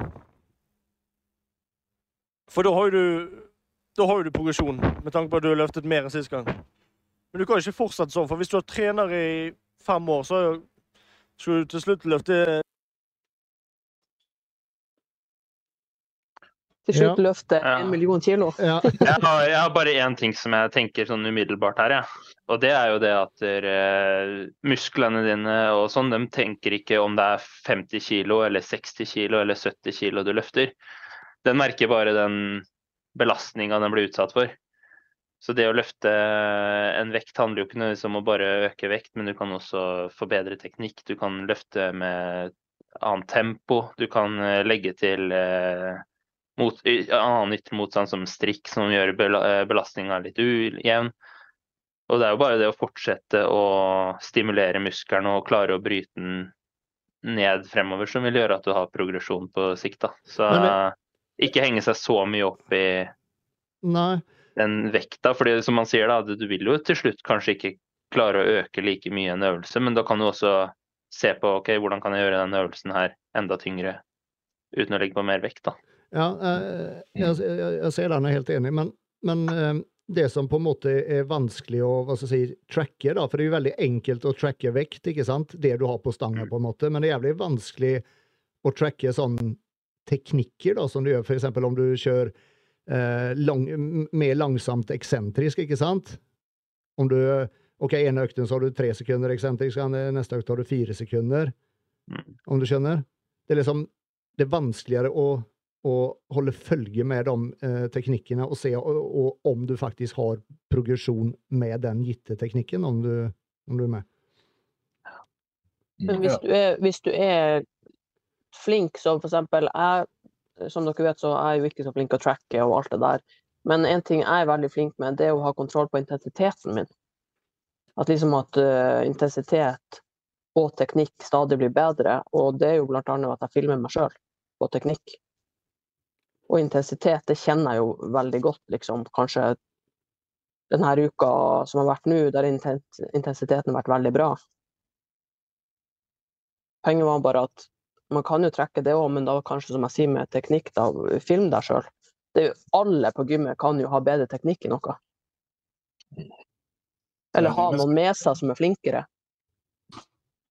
Mm. Så er det også litt det, det i forhold til han sier, Vi snakker liksom en 10-15 års periode. Da snakker du ganske mye periodisering av ulike eh, holdt på å si treningsformer, men det blir ikke riktig å si. Men altså, du, du, vil jo ha mye endringer underveis. da. Men her så snakker vi et, et treningsprogram. Så om han kjører benkpress med sine 100 kg, så vil han ha en ny øvelse etter benkpressen også. Så den også vil jo spille inn i forhold til progresjonen.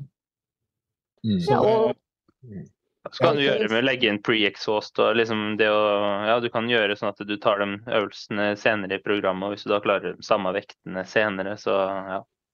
Jo, og splitten din, for eksempel. Ja. Bare for noen å mm. plutselig begynne å kjøre push-pull-legg, så var det liksom så, så, det er jo Jeg vet ikke, jeg føler at det er jo så sykt mye å bruke at jeg ikke engang mm. tenkt tanken. Fordi det er så sykt mye verktøy å bruke at jeg skjønner spørsmålet at han spør, men jeg har ikke engang ja.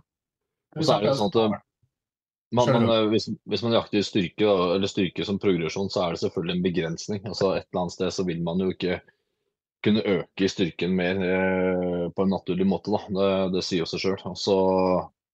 Da må man begynne å legge opp til andre faktorer, da, og kanskje litt mer metabolsk stress. Da, det, for det påvirker jo også. Å øke volum, kanskje, f.eks legge til et arbeidssett i en øvelse osv. Så sånn at det, kroppen får en ny utfordring han må tilpasse seg. da. Mm. Øke volumet og senke volumet. Altså det er jo Man kan jo ikke fortsette å øke volumet i all, i all Nei, det er jo selvfølgelig. Til slutt så har du liksom 50 sett i uke på en Nei, men da, bare det da å gå ned, f.eks. Mm. Mm. Mm. Øke vekten din. Mm. Han lurer på også å se, hvis han, er, hvis han vil bruke benkpresseksempelet med 100 kg som eksempel, hvis det er det han har ligget på nå i en lang tid og nå begynner å stoppe opp, prøv å legge inn benkpressen helt til slutt i programmet, og så kjører du andre ting først og ser hvor mange reps du klarer på benkpressen til slutt da. Hvis du kanskje bare klarer åtte da, så kan du prøve å jobbe mot å klare ti på benkpress som siste del av programmet seinere. Da har du også hatt en progresjon der. Forutsett at alt annet før også ligger på tilsvarende nivå eller høyere. Men er, er alltid styrke synonymt med, med, med økt muskelmasse? For man ser på du ser på eh, en del styrkeløftere som er faen meg grisesterke, eh, men liksom ser nesten helt utrent ut, mer eller mindre. Men det er jo fordi å trene for hypertrofi er jo annerledes. Mm. Og det er jo derfor nettopp at man bruker alle de verktøyene. For det handler ikke bare om å ha tyngst mulig vekt. Man må jo mm, løfte tungt, men det er jo derfor at vi snakker om hypertrofi på en måte i en egen boks veldig ofte. Mm. Jeg vet ikke med dere, men eh, for min del så er det mange øvelser jeg tok samme vekter for sju år siden som det jeg gjør i dag, liksom. Mens den muskelgruppa har eh, utvikla seg ekstremt mye siden, liksom. Så jeg tror det går mye på utførelse og tempo. Ja. Slik trening som styrkeløfter har. De har jo ja, altså øvelser og gjør mer det samme hver eneste gang for å bli bedre på akkurat det. Mm. Hva, mens vi er inne på det, da, la oss si da at, at man eller han har trent da i la oss si 15 år da, og hatt, hatt god framgang. Eller sånn jevn, jevn framgang, da, om man sier sånn. Uh, men for eller siden så, så, når du ditt genetiske potensial, da. Da er det liksom Da er det uansett hva du gjør omtrent, så, så Jeg vet hva få av dem hadde sagt nå. ja, ja, ja. Ikke sant? Men, men, eh, men, eh, men, men, hvordan skal man vite om du har på en måte nådd ditt genetiske potensial, og at du ikke bare har, har truffet en platå, på en måte? Det er derimot er vanskeligere. Det, det er et vanskeligere spørsmål, syns jeg. mm, mm. For en sånn platå kan være lenge. Mm. Ja, så vet man jo ikke sitt genetiske Nei, Man vet ikke sin genetiske kapasitet før man faktisk er der, liksom. Så, så Det- knows, Det man må innse, da, i hvert fall, uansett, er at kurven går jo sånn. Og så Ja. den, eh, Kurven er jo ikke sånn. Så på et eller annet tidspunkt så vil det liksom, er det millimeter man jobber for, i stedet for Ja. eh, metere. da, ikke sant. Så det, Mm. Der er jeg nå. ja, takk, det samme. Det er En ting som, som spesielt vi gutta bør tenke på å være litt flinke på, da, det er en økning sånn som i benkpress. Da, så går du ikke fra å øke på 100 kg til å øke til 110 kg. Du kan legge på 1,25 kg på siden først for å få en økning. Se på Nei. Dan. Ikke faen. Ikke faen. gjør det på en litt forsvarlig måte og for litt eh, normale folk som ikke er Dan, så er det å anbefale. Nei, her er det Skal vi ha tre plater, eller skal vi ha fire? Ikke 50 og 50, det Mm. Eller du kan til nøds ta tre og en halv plate. er ikke alle som Men- er.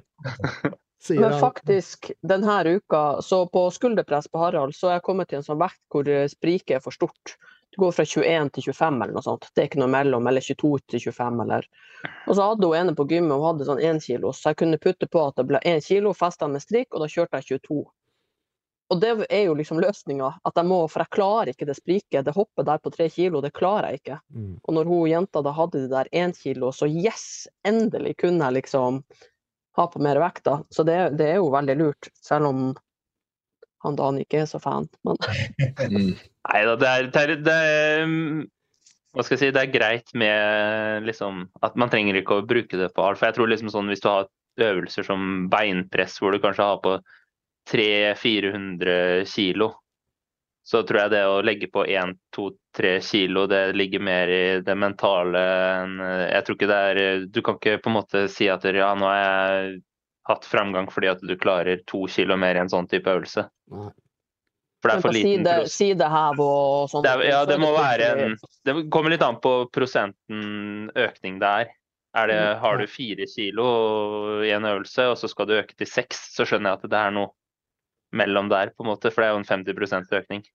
Mm. Men det å legge Mm. på halvkilo når du er på snakk om flere hundre kilo, det Nå, Ja. nå valgte du å, å fremheve den ene øvelsen, eller en av de få øvelsene hvor du trenger eh, mer belastning. Da. Det finnes jo mange sånn altså, Mye av skulderøvelser, brystøvelser, armøvelser, der har du ikke store økninger av gangen. Nei. Armer òg er jo Ja.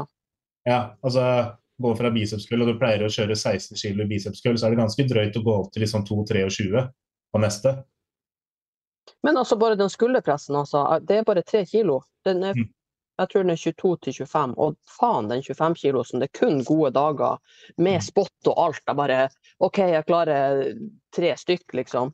Så ja, det er noen øvelser som er jævlig. Men der er det jævlig. såpass stor økning, så det skjønner jeg. Mm. Gå med på Men det- halvveis der, Dan, og si at hvis du kjører øvelser som beinpress og sånn, så kan du øke litt mer enn 1,5 kg på hver side. Ja, og da, da mener jeg det er andre faktorer som kanskje du kan se på før, eh, for å få fremgang, da, enn det å øke den ene kiloen hvis det er snakk om flere hundre kilo fra før av. Da er det andre faktorer på om du kanskje kan heller ta en rep mer, eller eh, Mm. enda, gå enda litt dypere, eller sånn, da, istedenfor å ja, gå på den at du må liksom øke med under en prosent økning. Det, ja. Kjeks. Jeg kaller det for Merlin cookies. Kom med en Mm. liten Merlin cookie. Eller så legger Jeg- du bare på på- jeg- 20 kilos på hver side. Enkelt og greit.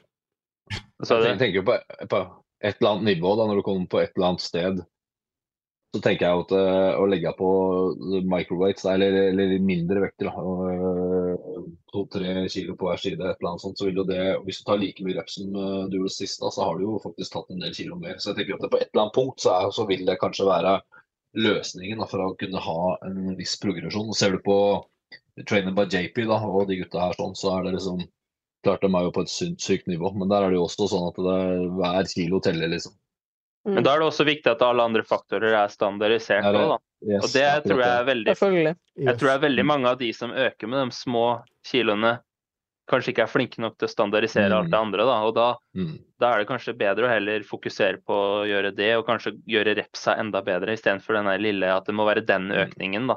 At du Mm. heller eh, At den for- økningen går utover kvaliteten.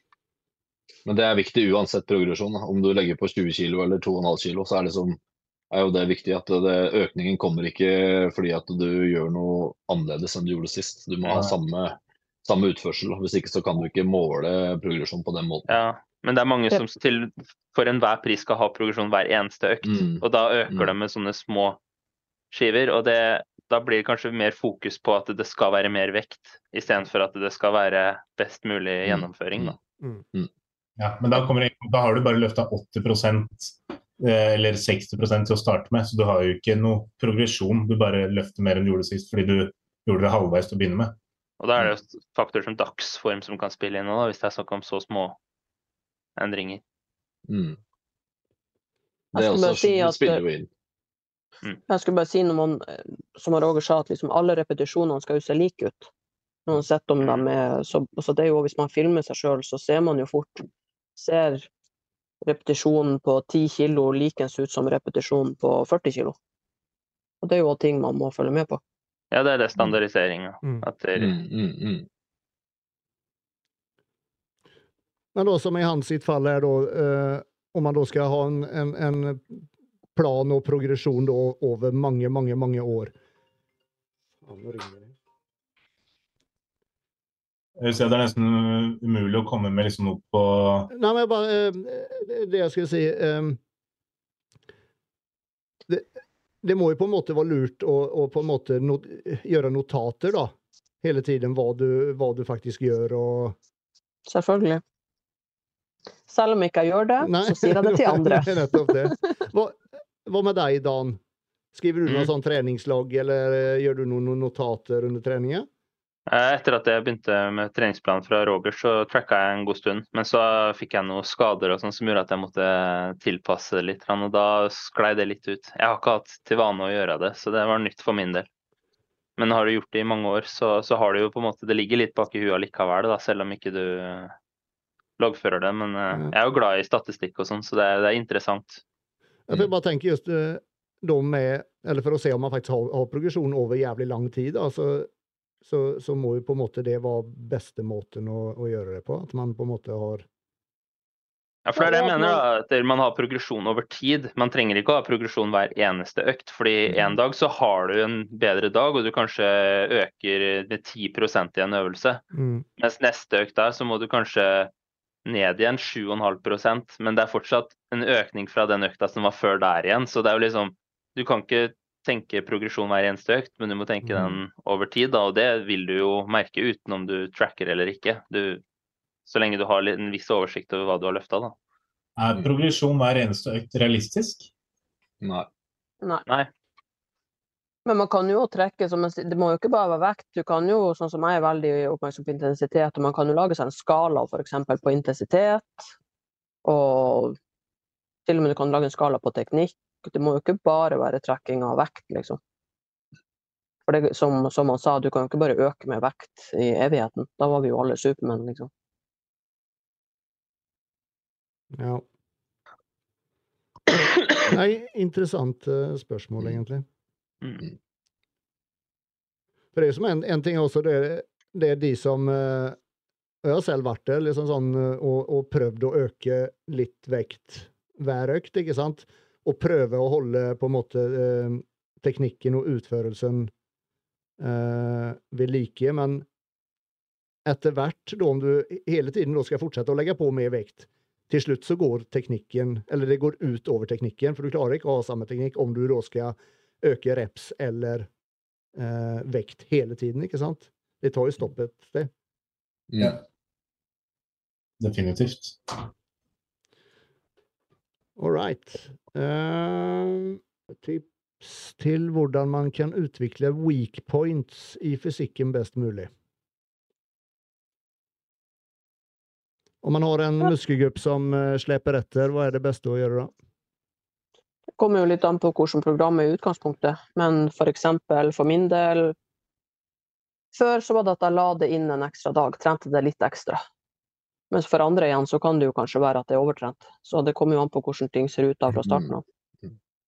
Så prioritere, da, for det er ofte litt sånn at det er lett å styre unna svakheter. For det er kanskje ikke like gøy å trene, så det blir på slutten av økta når man er sliten og, og lei og egentlig vil bli ferdig, kanskje. Så er det så Som man sier, da, hvis du har dårlige legger, sånn som uh, meg, så kan man eh, starte økta eksempel, med å trene legger først. da, Hvor man er fresh og alt det her. Og så blir det, blir det til at du prioriterer det. ikke sant. Mm. Så Det er jo en måte. Eller så er det som Heide sier, at det er jo det er lett at man når man ønsker at noe skal vokse mer eh, enn noe annet, kanskje, at man overdriver treninga. Sånn at det volumet faktisk blir for stort. Og så blir det, blir det for mye i stedet for. Så det er liksom Programmet jo, det er jo veldig avhengig av programmet, men eh, det må jo prioriteres da i en eller annen form. Og det kanskje gjør at du må enten gå ned på volum, eller kanskje du må senke volum på noe annet for at den muskelgruppa du ønsker å prioritere, skal få mer plass. da. For eksempel. da. Kanskje også være mer spesifikk eh, trening og ha øvelser som tar mindre områder av gangen. Ikke ha fullt så store og komplekse øvelser eh, hver Mer, eneste is gang. mer, is mer isolerende, f.eks. Med legger, jeg hadde jo ikke legger, og så bestemte meg for å konkurrere, og siste året så har jeg rett og slett trent dem oftere, og har vært dritnøye med teknikk Mm. uh, og, og loading, liksom. Og nå har jeg jo helt greie legger, faktisk. Så for min del var det dem. også- Ja, Mm. og der, der kommer også utførsel inn, selvfølgelig, som en faktor som man kan også se på. Men akkurat det med legger er- er litt interessant. Jeg mener, det er jo mange av de beste i verden, proffer Ian for eksempel, ikke sant? Har jo veldig dårlige legger. Så det Just på legger må genetikk ha jævlig mye å si, og det er uansett da hvor mye, hvor mye ekstra de, de gutta det de dytter i seg, ikke sant? Jeg tror nok også det har mye med sånn som ble nevnt her tidligere, at det du er god på, det er det gøy å trene. Enkelte ting er morsommere enn andre, og legger er dritkjedelig å trene. Og det er dritvondt å trene. Ja, men det tror jeg ikke er et problem eh, der. Eh, Nei, nei jeg tenker jo at det er todelt, sikkert. At det, jeg, jeg, jeg er bombesikker på at legger for eksempel, er at det er genetisk. Det er jeg helt sikker på. For det er sånn som Jeg har jo spilt fotball i så og så mange år, hockey i så og så mange år osv. Og, så videre, og jeg har leggene mine har aldri respondert kjempebra. Og så har du andre som har spilt fotball og aldri trent noe styrke eller noe sånt, som har de klubbene. Så det, det, er, det, det er noe genetikk. Men det kan også være feste utspring, eh, løpeteknikk. Det er, det er flere ting som spiller inn, da, som gjør at eh, løper du på tårene eller tærne, så er du aktiverer du selvfølgelig mer leggmuskulatur. Er du mer flat eh, når du lander på beina når du løper, så da er det mindre bruk av legger. Altså, sånne faktorer spiller også inn. Og så kan legger som alle andre muskler kan vokse. Så jeg tenker at eh, ja, det er sikkert en uh, genetisk forskjell på hvor lett det er å få uh, leggene dine til å vokse. Men at alle muskler kan vokse, det er det ingen tvil om. Så hvis du gjør det riktig over tid, så vil de også utvikle seg. Og så tenker jeg at sånn som med Ian, så har det helt sikkert vært nedprioritert i perioder, det er jeg helt sikker på. Ja, det tror jeg. Ja. Mm. Det er jo sånn den memesen med 'somebody's dad', og så står de der med sånne der Capri-shorts og sånne enorme legger. Så det er jo liksom utgangspunktet, den genetikken du starter med. Mm. Så, Sett veldig sånn typisk da, på, på mange som sitter og trener legger, kan ta sittende tåhev, liksom. Så sitter de med, eh, med puta langt opp på låra, og så sitter de og presser med liksom midten av foten og drar opp vektene eh, i samfunnet. Og de har jo på liksom 215 kilo der sånn. Det ser jo drittungt ut, og så sitter du med følelsen for det brenner jo, du blir jo sliten. Men hvor effektivt har det egentlig vært? da? Kanskje gått ned til 60-80 kilo og faktisk latt legga gjøre jobben, så kanskje hadde fått mer fremgang. Utførsel igjen, da. uff. Ja. Men Og så var jeg inne på gymmet i dag, han bare lasser lassa på beinpressen, og så er det sånn bitte liten bane, Ja. og den er full, så sånn her, og vi andre bare Å, blir så irritert. Så det er en klassiker med folk som skal stå og kjøre sidehev og liksom stå med 36 kilo og tror de er grisesvære, så står de og liksom kjører fugle, Mm. fugle bare rykker på huet fram og tilbake hver eneste gang. Men jeg, jeg skal bare si, eh, med rygg, jeg har veldig mye fokus på rygg nå, og faktisk det jeg har Det jeg kommer til å gjøre fremover, det er å være enda mer eh, Altså være enda mer fokusert på trening. Altså intensiteten min i hver ryggøkt må være bedre. Så jeg trener den ikke oftere, men jeg må ha enda bedre kvalitet når jeg trener. Mm. er, jeg skulle si at det er jeg prata med en kroppsbygger som hadde vanvittige legger. Så spurte jeg liksom, hvordan uh, trener du legger. Og så sa han at jeg, du kan ikke spørre meg om hvordan du skal trene legger. For jeg, jeg veit ikke hva jeg har gjort for å trene legger. Leggene mine har bare blitt sånn. Ja. Men spør meg hvordan du trener rygg. Ja. Det var noe han sleit med å bygge og brukte lang tid på å få til. Uh, så liksom, det er, det er, da sier det selv at det er noe genetisk, selv om det er en muskel. Og alle muskler kan i teorien bygges da, eller vokse. Da. Så, Sånn, alle muskler er vel genetiske, for noen får jo veldig mye større armer enn hva andre får. mm, mm. Og samme bryst og rygg og sånt òg. Altså, Mm. alle har Ja. genetiske ulikheter. Jeg, jeg sier jo sammen med svakheter. Ja, jeg sier jo sammen med armer. Ikke spør meg om Mm. tips til å trene armer, for jeg trener dem ikke, og de er der for det. Bare at jeg får mosjonere dem, så er de der. Det er litt som dine leggerfliser. De bare er der. Ja, men for, for min del, for Roger påpekte en av de tingene der som jeg sa. Hvis å spille fotball, Jeg har spilt fotball i alle år. Og jeg var jo både keeper og spiss. Og som keeper så jobba jo jeg konstant på tæra. Jeg løp alltid på tæra. Alt jeg gjorde foregikk på tæra. Jeg hadde en ekstrem eksplosiv eh, styrke og hurtighet. Så jeg tror nok at jeg har fått mye legger fra fotballen nettopp pga. måten jeg har beveget meg på også. At jeg har aktivert leggene såpass mye. det var kanskje grobunn for dem. Det var da det Mm. liksom Ja. Jeg tror det, du hadde hatt dem uansett. Ja. Det kan være, men eh, det er ikke det at jeg sitter på gym og flirer meg i hjel når jeg sitter og trener legger eh, og liksom gleder meg til leggeøkt. Det, det er ikke der eh, jeg har fått dem, i hvert fall. Nei. Uh, skal vi se. Robin uh, skriver her at uh, progresjon hver økt, da får du 280 i markdagen. Skjønner. Altså, jeg, jeg og Robin vi, er så, vi har så dårlig innflytelse på hverandre, vi. Ja, jeg har Det er sånn det. det, er, er vel en grunn til at du fikk denne skaden din, er det ikke det? Nei, det, er ikke, det, her er ikke, det her er ikke Robin i ja, Det er okay, flere. Robin Det er flere Robiner, og alle har dårlig innflytelse. Ja, jeg skulle til å si det. Fordi vi driver og jazzer opp hverandre, da, ikke sant? Mm. Det er Nei, altså den skaden i brystet kom nok sikkert en blanding av at ja, man er litt ivrig på, på å bli sterkere, og så har jeg nettopp vært gjennom en lang prepp, og så Mm. går styrken, styrken opp, og gutta pusher, eh, pusher tyngre vekter, og du har jo lyst til å du har jo lyst til å bli bedre, og det er sikkert en kombinasjon av mye.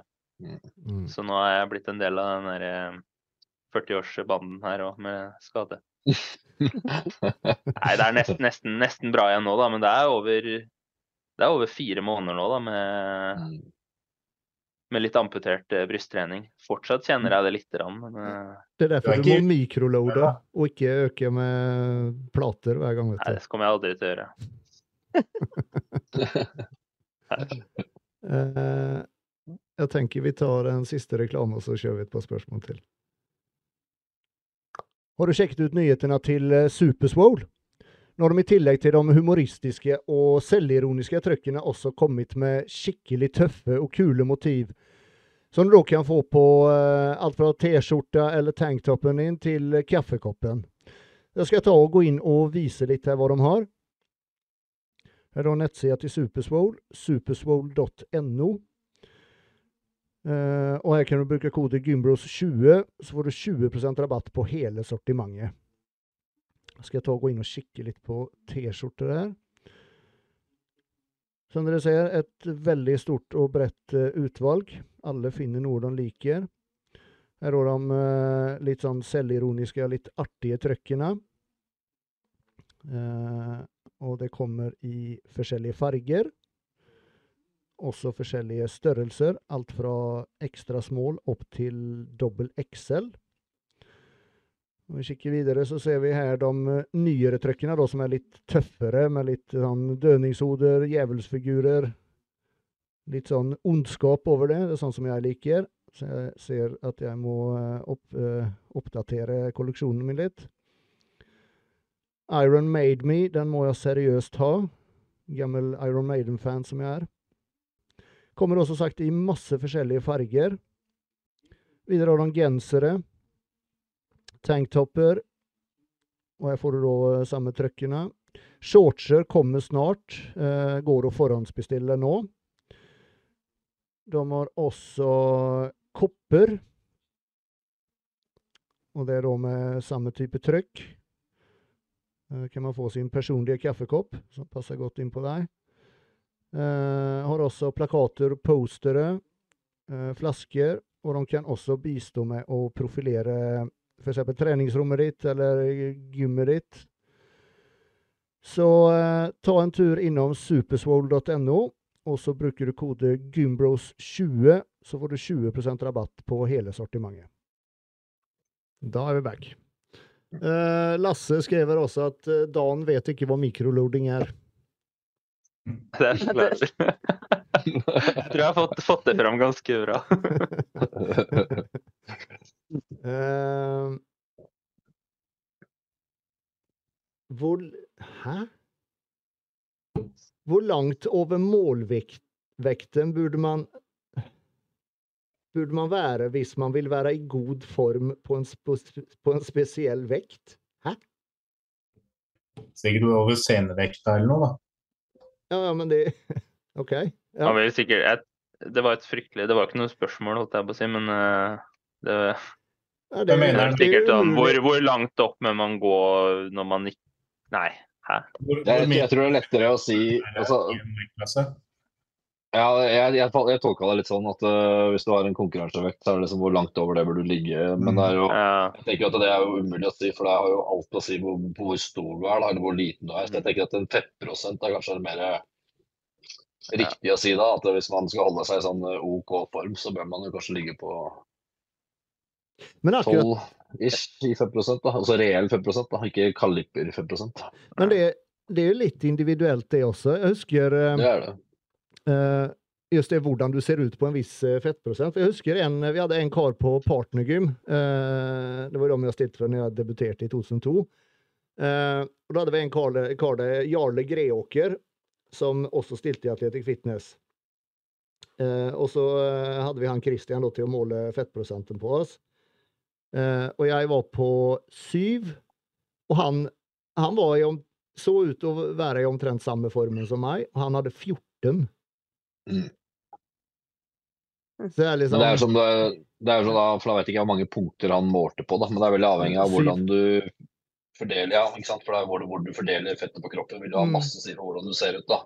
Og en av de treningspartnerne jeg trente lengst med, han irriterte meg grønn. fordi vi gikk jo omtrent likt i vekt etter konkurranse og sånn. Og så greia med meg at jeg legger jo føtter rundt midja, så jeg mister jo fasongen min når jeg er litt uh, chubby. Mens han fordelte sånn smooth utover hele kroppen, Yes. så den samme jævla framen hadde han uansett. ikke, ikke sant? sant. Så, Ja, ja, så det er alt å si, da. Ja, jeg, har- jeg har jo striper i låra, men uh, trenger ikke ha antydning til sixpack, liksom. ja, ja, det ak- Akkurat sånn er jeg òg. Det helt Jeg kan Ja, ha en sånn ja. liten dusj på magen, Ja. Mm. og så våkner jeg en dag litt sånn tørr, så har jeg markeringer i beina.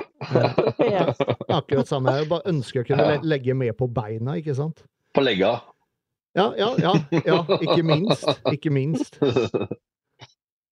Uh, nei, så just vekt er jo umulig å si uh, Ja. hvor mange kilo du skal være over. Det, det Og så er det litt hvor du presterer best òg, da. Sånn, Mm. Ja. Noen er presterer bedre med litt mer fett på seg. At de, Mm. hvis, du er på, hvis du har litt høyere fett, men det er faktisk da du klarer å utvikle deg, løfte mer på trening og pushe deg hardere, så er jo det en bedre vekt for deg. Mens noen, med en gang de legger på seg litt for mye fett, så blir de jo bare sløve og nesten at de blir svakere og sånn. Og da Men er ikke det også, også noe som forskningen viser, just det med eh, Fast med fettprosent, og at f.eks. for eksempel oss gutter, at vi, om, om vi er over 20% at man på en måte bygger muskler dårligere da? Var det ikke Jo, det gjør det, fordi du, du produserer Hva skal jeg si Ja. Testosteronproduksjonen går ned med høyere fettprosent. Ja, ikke sant? Ja, og så får du jo høyere inflammasjon i kroppen også hvis du blir for, eller har for høy fettprosent og sånt. Så Dårligere insulinfølsomhet, har du ikke det også? Det ja. Det er i hvert fall hvis det fettprosenten er høyt påvirka av matinntaket. Ja. Så, og så er det jo to faktorer i forhold til hvor høyt du bør ligge. Det er jo sånn En faktor som Dan sier, er jo det med hva, hvor, hvor du mentalt trives, hvor du presterer godt. Og så er det selvfølgelig hva er målet ditt. Er det å se bra ut, eller er det å prestere på gymmet? Er det adrenalin eller å bygge muskler. Liksom. Det, er jo, det er jo, kommer litt an på hva man er ute etter. Da. Men jeg tenker at hvis det er å ha en god sommerform, så, så er det jo liksom speilbildet som avgjør, og ikke, ikke vekta i seg sjøl. Så du mener at Mm. høy fettprosent det er ikke synonymt med å se bra ut, Roger? Driver du og sier at, dere- at eh, du, har, du har høy vekt, men du har også høye eller mange centimeter å dele utover på. Da. Det er vi noe å tenke på innover mot konkurranse. i hvert fall. Jeg vil si sånn, 15 kilo er ikke ideelt å komme inn på fire måneder før du skal konkurrere. Da begynner det å bli ganske mye å fjerne på kort tid. Nei, det er jo de som gjør det. Altså, Sier han Niro, som vi går ned 13 på fire uker. Ja, ikke sant. Altså, jeg, nei, men jeg kan jo si det er ikke ideelt. Og det har vel blitt Ja. påpekt til meg hver gang, at det er jo ikke ideelt det de gjør. da. Nei, det er det ikke. Nei, men det er jo, det er jo som evnen til å miste fett også. Så, som Dan sier, at han har jo evnen til å egentlig komme ganske fort og greit i god form. Og så er det andre som sliter. Så det er litt sånn individuelt også. Og så er det noen som absolutt vil ligge 20 kg over scenevekt, da, og der trives de best. Da, men, men selvfølgelig, da burde de kanskje begynne dietten litt lenger ut enn fire uker eller åtte uker før konkurranse. Eller, ja. Og nå så er jeg fire måneder, riktignok, da, ikke fire uker. Jeg tenkte på deg, jeg. Og opp til Så- 15 kilo syv uker før det er innafor. Men jeg har jo tatt uh, 20 kilo på uh, 16 uker maks. Men det er jo da med vektevekt, altså væskevekta som jeg drar av på slutten for å klare vekta. da. Men, Men da, da har jeg da har sikkert gått ned 15 kilo reelt, liksom. Men du merker jo også forskjell. altså Det er jo fortsatt ikke ideelt. Det kunne kanskje vært Nei. mer ideelt å ligge på 10-12 kilo. På Ja, ja, ja. Uten tvil. Og så er det i tillegg, i hvert fall når du er i min alder, så er det det å legge av seg for mye nå, så vil jo det også gjøre at det tar lengre tid for huden å trekke seg sammen og alt det her. Så det er liksom eh, Jo eldre du blir, jo større fordeler har du jo av å være litt linere oppsisten, tenker jeg, sånn sett. mm. Når man er yngre, så bouncer man tilbake fra alt. Da. Det er liksom Savner det, de dagene der, altså. Er det meg du sikter til nå, Roger?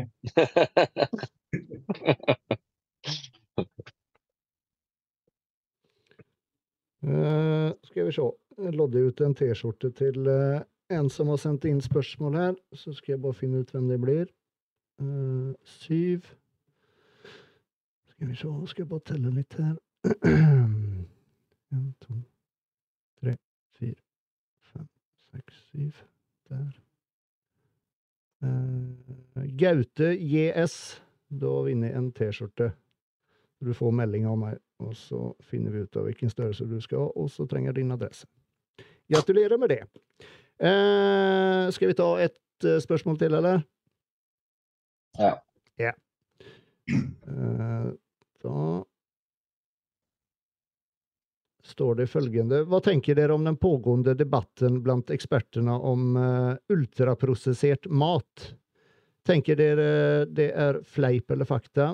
Mener da ultraprosessert mat vises å være enormt skadelig for helsa vår, som kan øke risiko for uhelse knyttet til tarmsystemet, og dette burde inkluderes i nye kostråd. Derimot har andre eksperter sagt at dette er eh, bare tull, og det har gjort at andre eksper- eksperter igjen har trukket seg vekk fra de anbefalingene som gis fra Helsedirektoratet, eh, for de kan ikke stå inne for at eh, noen mener det er fleip. Eh, innen bodybuilding og fitness er clean mat eh, enormt viktig, og hver eneste atlet kjenner effekter på kroppen når de f.eks. spiser en bolle eller pizza sammenlignet med ris, potet, kylling og torsk. Eh, Det er jo f.eks. nå nylig så er det kommet jo en, studio, en studie ut som viser at uh, ultraprosessert mat øker faren for kreft med 50% Ja. ja, jeg så det. Ja, Så det er, jo, det er jo ikke tull at uh, ultraprosessert mat er uh, dårlig for oss. Det sier jo seg sjøl. Men hvilke, hvilke, hva, hva er ultraprosessert mat? Så som jeg skjønte det, så er det typ sånne ferdig, eh, sånne supper, eh, ferdigsupper som man blander i. Ja, de er verst. Ja, ikke sant? De er faktisk det verste. Men, men det er kjøtt, karbonadedeig, uh, alt som er av pose, alt som er sånn halvfabrikat, helfabrikat, godteri er jo ultraprosessert Ja, ja, ja. mat. Ja. Også Så det karbona er, jo- altså? ja, det er prosessert. Det er ikke Protein- ultraprosessert. Nei, nei, men det er prosessert. Ja, prosessert, ja. Ja, Ja, men det er- ikke, er ultra, ikke ultraprosessert, vel? Nei, nei, nei. nei. Men hvis Nei. du, hvis du spiser masse karbonadedeig, da, i stedet for å spise rent rødt kjøtt, Mm. da er er jo karbonadedeig mye mer skadelig for deg i lengden enn det rene kjøttet. Eller hvis du kverner det røde kjøttet slå, uten å få det der alt som er eh, gjort for at det, Også konservering, da. Mm. Det er jo det som har en negativ effekt der. sånn. Men det er, en, det er en ting som jeg har stusset på på tale om karbonadedag, For eh, som den du kjøper her i Norge, da, den er det holdbarhet på er det to uker cirka? Noe sånt? Mm. Ti dager, to uker. Eh, mens den du kjøper i Sverige, eh, som eh, også er litt eh, høyere i, i fettprosent, eller eh, fettinnhold, Mm. men der er holdbarheten liksom to-tre dager. Men har du sett pakninga? Er ikke dem som pakkes i sånn her tynnplastbare, Jo, og som blir eh, jo, Mm, for, for mm. står Ja. jo ofte i butikken og, Ja. og, og pakker den, ikke sant? Men, Det er jo fordi Mm. at de gjør det der. og så ikke, Det blir ikke pakka i sånn med tilsetninger, sånn som Roger snakker om. og sånn. og det, Ja, det er det jeg mener. Er den da sunnere? At det ikke er så mye tilsetninger i den, i den svenske, i og med at det ikke er så lang holdbarhet? Det er, vel da, det er vel det, da. Det er vel det som Men er det ikke fire, kategori, det er fire kategorier, liksom, i det der? Mm. Altså Det er prosessert, og det er ultraprosessert, og så er det Hva er de to andre? Jeg vet ikke. I hvert fall, det er jo, en sånn, det er jo liksom sånne kategorier hvor på en måte det blir verre og verre og verre. verre. Ja, og så tenker jeg jo at eh, i, det, i forhold til den i Sverige, da, at eh, som Dan sa, at det er noe med pakninga å gjøre også. At den er pakka på et vis som gjør at det kanskje ikke er like lufttett og, og solid, da, når- siden de på en måte pakker det der i butikk. Og sånn, så ja, men det er jo bare sånn plast du har i skuffen hjemme, nesten. Ja, og bare surrer rundt. Sånn eh, Her fant jeg Mm. de kategoriene, Heidi. Uh, kategori én er uprosessert og minimalt prosessert mat. Uprosessert mat er uendret fra da den ble fjernet fra naturen. Uh, kategori to er prosesserte kulinariske ingredienser. Det er typ kryddere og sånt, da, tenker jeg. Mm. Eh. Mm. ja, ikke sant? Eh, og kategori tre er pro prosessert mat. Står ikke noe mer. Eh, og kategori fire er ultraprosessert mat. Og det er jo mer det som er blitt litt i fitnessverdenen, er at det er blitt veldig populært sant? med sånn proteinbarer, monstrene vi drikker, Mm. sånne kalorifrie sauser. For eksempel, det er masse ting av de der tingene. Hvis jeg, jeg spiser det veldig sjelden, men hvis jeg spiser så får jeg faktisk vondt i magen. Det, det har jeg med mett på. Det proteinbar en gang iblant. Det er ikke noe jeg har fast, eh, for å si det sånn. Og så er det litt energidrikke, og det går i perioder, egentlig. For jeg, så jeg blir dritlei det, og så orker jeg ikke. Og så har jeg perioder hvor jeg kanskje syns det er litt godt igjen. Og så. Men eh, karbonadedeig innimellom. Og så spiser jeg Mm. laks. da, Ikke, ikke at det er uh, ultraprosessert, men det er jo oppdrettslaks. ikke sant? Så det er jo det er liksom, hvis du begynner å sette ting, altså bryte ting ned da, på maten du kjøper på vanlige butikker som ikke er økologisk og alt det der sånn, så er det jo, det er jo et eller annet drit i alt du dytter i deg. Ja, ja. Ja, Og mindre. light- light- eh, light-produkter er jo også mer prosessert enn Jeg så i dag f.eks. vanlig crème Mm. fresh kontra Creme fresh light. Sant? Mm. Mm. Ja, ikke sant? Det har jeg egentlig ikke Mm. tenkt på. Det er jo bearbeida mer, ikke sant. For å få ikke vekk sånn- eh, få vekk Personlig er ikke sånn sukker, og så er det kunstig søtning i tillegg og sånn. Ja. Men personlig er jeg ikke så så supergæren med det der, men basen i mitt kosthold er jo liksom veldig sånn clean food, da. Sånn som man kan få det, så er jeg ikke så jævlig. Hvis jeg spiser en proteinbar en dag, så er det ikke sånn at jeg bryr meg om det. Altså, jeg trykker jo ikke ned på det hver dag, liksom. Optimalt, altså dyrker du dine egne grønnsaker og poteter, og du skyter kjøttet ditt og du fisker fisken din, liksom. Da, det er jo den perfekte verden, da. Ja, vi ser jo åssen Det er som- han eh, eh, The Liver King, åssen han ser ut. Ja, det er vel Ja, men- eh, mer enn bare liver. og det er det, det eh, samme det. Jeg skulle si, Det er jo som å bo i Jarfjord, der hvor jeg er fra. Der fisker man sin egen fisk og skyter Mm. sin egen uh, elg og har rein og Der er det jo veldig sånn Ja, eh, naturens råvarer. Så Det er bytter de vanskelig, altså. ut usunne med røyk og, og sprit i stedet. Ja. 9-6 9-6 ved siden av, så er det liksom cirka like langt. Ja. Men så for eksempel de her lepsene lefsene til, til Dan som han dytter alt mulig oppi. Er, det, er, er slike lefser er det, er det ultraprosessert? Du baker dem sjøl, Dan, gjør du ikke det? Prosessert. Eh, I hvert fall prosessert. Da. Det er jo bakverk, liksom. Så det er jo ja. Men de er jo også tilsatt ting for at de skal holde seg og sånn. Du kan jo sikkert glemme den igjen i skuffen i et par år, og så tar du den ut, og så ser den helt, helt, like fin. helt like ut. Mm. Bare at du kan spille frisbee med den, da, men Det var jo noen som hadde gjort det. Var det, var det her, eller var det pokker var det jeg så det? Noen som hadde kjøpt uh, noen cheeseburger på Mac-en, ja. og så, Ja. ja, så glemte jeg den i skapet. Jeg vet ikke hvor lenge etterpå. Den så helt fin ut, liksom. ja. Det var ikke antydning til mugg. Ja, det var ikke antydning til mugg. Fy faen, det er sjukt. Den hadde vel bare krym, krympa litt, tror jeg. At den Ja, hadde ja. krympa litt i size. Tørka inn, liksom. Ja. Ja, Der det, sier du hvor bra Mækkern er. Altså. Det holder seg skikkelig bra. nei, fy faen. Det er Kvalitetsstempel. kvalitet, ja. Prøv, prøv det med sushien din, du, eh, Roger. Ja, det er ikke lenge jeg skal stå før det faktisk eh, merker forskjell på den. altså. Så der slår nok Burger King eh, sushien. eh. Ja, jeg tror det. Jeg tror, eh, jeg tror holdbarheten er grei der også, for å si det Jeg tror sånn. det var sånn typ seks måneder eller noe sånt ja, når det ligger i skapet. Det var null mugg, liksom. Så det sier jo litt. Ja, han smakte ikke på den. Nei, jeg tror ikke det. For det hadde i hvert fall vært skremmende om, om den smakte helt likt.